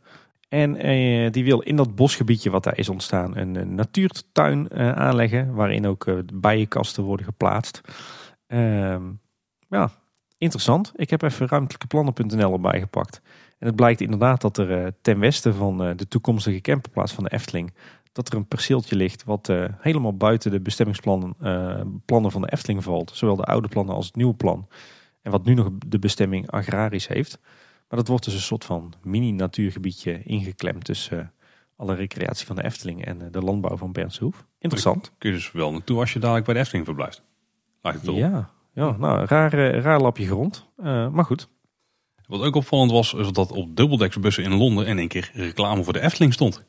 Ja, super cool. Ja, best wel. Uh, ja, ze zijn echt een internationale markt aan het aanspreken nu. Volgens mij niet de, de echte uh, Transport of London uh, bussen, maar volgens mij meer die toeristenbussen. Ja, ja zoiets zal het zijn. Ja. Dan heb je meteen helemaal de doelgroep te pakken ja, natuurlijk. Ja, super tof. Al die promotie in het buitenland. Hè? Ook nog wat vogelnieuws. Want toen wij van de week Ravelijn zaten te bekijken, toen viel mij ineens tot mijn verbazing op dat de ibissen, die voorheen de show afsloten als teken van dat er weer vrede was en welvaart. Dat die nu zijn vervangen door andere vogeltjes, koereigers. Uh, en op zich is dat ook niet zo heel gek, want de ibis die is een, een tijd terug door de EU op de, de lijst gezet met ongewenste invasieve exoten. Oftewel plantensoorten en diersoorten die in Europa van, zeg maar van oorsprong niet thuis horen, maar die wel de bestaande inheemse natuur verdringen. En dat betekent dat er een uitsterfbeleid voor geldt. Dus uh, je mag uh, als uh, dierentuin Fredpark nog wel ibissen houden zolang ze leven. Maar je mag er niet meer mee fokken. En als ze dan dood zijn, dan mag je er ook vooral geen nieuwe mee nemen. Dus vandaar dat nu de ibissen in Ravelijn zijn vervangen door koereigertjes. Oké. Ja, nog een klein stukje follow-up. We hadden het er laatst ook over dat de Efteling voor de, zeg maar de drukke paas- en meivakantie al verschillende externe tijdelijke verkooppunten van eten en drinken had geplaatst. Onder meer op het Ruigheidplein. En die zijn inmiddels verdwenen. Dus het blijkt toch dat, dat het echt puur en alleen was voor, voor die drukke meivakantie. Ja, op zich ook logisch. Hè? Dus we straks wel weer terugzien hè? als het wat drukker wordt weer in de zomer. Ja, ja op zich iets leuks. Vaak nog wel over, wat, waarvan ik dacht, daar moet ik het ook nog eens over hebben. Want wij, zijn, wij zitten bovenop de Efteling en we hebben het er iedere week weer over. En daarin zijn we best wel kritisch. Nou, misschien niet de allerkritischste eh, bron, maar goed. Maar toevallig twee weken geleden ben ik voor het eerst in, nou, volgens mij acht jaar, met een goede vriend naar de Efteling gegaan, die, die al zes jaar niet in Efteling was geweest. maar die is altijd ja, een groot Efteling-liefhebber geweest en wat mij betreft ook kenner van wat Eftelings is en wat Pieks is. Dus ik was ja, van tevoren heel benieuwd wat hij nou zou gaan vinden van, van de Efteling. En na er zes jaar lang niet geweest te zijn. En wat mij heel erg opviel, is dat, uh, dat hij uh, heel erg positief was verrast. En dat hij aangaf van ja, het is echt wel te zien dat in die zes jaar tijd, dat de Efteling eigenlijk over de algehele linie best wel een sprong voorwaarts heeft gemaakt qua kwaliteit. Qua aanbod eten en drinken, qua hoe de signing eruit ziet, hoe de terrassen erbij staan, hoe het groen erbij staat, hoe het onderhoud erbij staat, de muziek. Allemaal zaken die wij als vanzelfsprekend beschouwen. En ik vond het zo leuk om dus iemand die echt uh, altijd een enorm grote liefhebber en kenner is geweest van de Efteling, waar die er zes jaar niet geweest was. Uh, om daar nu mee te lopen op het moment dat hij voor het allereerst weer naar de Efteling ging en dan zijn reactie af te wachten. Ja, dat was super tof om te merken dat hij uh, zo positief verrast was. Beetje net als met kinderen, hè? want die kleine stapjes die ze iedere dag maken, die je als ouder ziet, die vallen niet echt op. Maar iemand die ze dan één keer in een paar maanden ziet, die ziet in één keer die grote sprongen. Ja. dat is eigenlijk wat hier ook gebeurt. Er worden zoveel kleine dingen steeds toegevoegd, getweakt, aangepast, uh, misschien ook verwijderd. En ja, het zijn allemaal van die kleine stipjes op de radar, zeg maar. Maar als je in één keer totaal heel bekijkt, ja, dan is dat inderdaad best wel, best wel gruwelijk eigenlijk wat ja, daar gebeurt. Ja. ja, nee, van mij, het is echt een, echt een, een, een kritische, goed ingelezen, inhoudelijke Efteling-liefhebber. Maar hij was echt heel positief verrast. Dus uh, nou, tof. was hem wel een eye-opener. Ja, even nog een klein dingetje. Uh, uh, het, ik weet, daar hebben we het ooit wel eens over gehad. Er heeft in de oude speeltuin van de Efteling, eh, zeg maar tot de komst van het Lavelaar, eh, een uh, groot klimrek gestaan. Een heel bijzonder mooi klimrek in piekkleuren. die is toen afgedankt toen het Lavelaar kwam en die is toen gered tussen aanhalingstekens door, door de Anton Piekschool in Kaatsheuvel. daar heeft hij een aantal jaar op het speelterrein gestaan en toen die werd afgebroken is die uiteindelijk weer gered door een kinderdagverblijf hier in de regio. waar dat hij nog aardig wat wat jaartjes uh, uh, heeft gestaan. alleen nu viel mij op dat hij daar is afgekeurd en dat hij daar verwijderd is en dat hij op de stort staat. Oeh. Dus toch een stukje Efteling erfgoed wat, wat dreigt te, te, verdwijnen.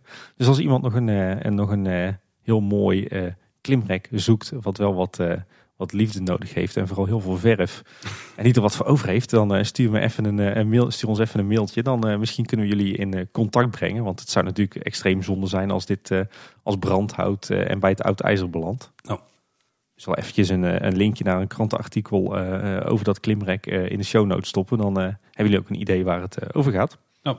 En verder ben ik de laatste weken onder meer ook nog naast in de Efteling in het Nederlands Openluchtmuseum geweest. En bij de World of Dino's of Dino's tentoonstelling. En voor onze luisteraars, ik kan het Nederlands Openluchtmuseum absoluut weer zeer aanraden. Schitterende plek. Echt een van mijn thuisparken ook wel. Ja, en World of Dino's moet je vooral naartoe gaan als je eh, jonge kinderen hebt die into dinosaurussen zijn. En anders moet je er vooral heel ver weg blijven. Lijkt me een goede tip. Jij nog uitsmijters, Paul? Ik heb de auto, Tim. We gaan ermee stoppen voor vandaag. Oh, oké. we moeten weer snel verder, want we gaan ook wel ouderwets meerdere afleveringen op een avond opnemen. Oh ja, dat is waar. En volgens mij zijn we al lang genoeg bezig. Dus, ja, inderdaad. Dit was het al even deze week. We gaan dadelijk op stop drukken. Wat heel belangrijk is, Kleine Boodschap 100. Wil je daar naartoe? Ga naar kleineboodschap.com slash 100. Kun je ticket kopen. 5 euro. Dan heb je een eh, hele middag vermaak. En uh, een gevulde maak als je naar buiten loopt. Dus dat moet helemaal goed komen. Ja, en dan kan je ons ook meteen wat pittige stellingen en dilemma's voorleggen als je wil. En een handje schudden, dat doen we ook nog wel. Ja, wat kei gezellig. En um, wil je vragen stellen, heb je reacties op deze aflevering? Nou, dan kun je die allemaal kwijt via social media. Op Twitter zijn we @kboodschap. Op Instagram zijn we Kleine Boodschap en op Facebook ook. En je kan uh, natuurlijk naar onze website kleineboodschap.com uh, voor alle afleveringen en show notes. Uh, maar dan kan je ook contact met ons opnemen via het contactformulier. En je kan ons ook gewoon mailen via info.kleineboodschap.com. Ja, en als je nou een Apple podcast, abonneer je. Geef ook even sterren rating, dan kunnen andere mensen ons makkelijker vinden. En dan wordt de groep luisteraars alleen maar groter. Ja, inderdaad. Oh, en voordat we echt afsluiten, Marleen, ik weet niet of je luistert, maar anders je vriend of je schoonbroer wel. Bedankt voor de fijne samenwerking. Dat was hier voor deze week. Houdoe. Houdoe.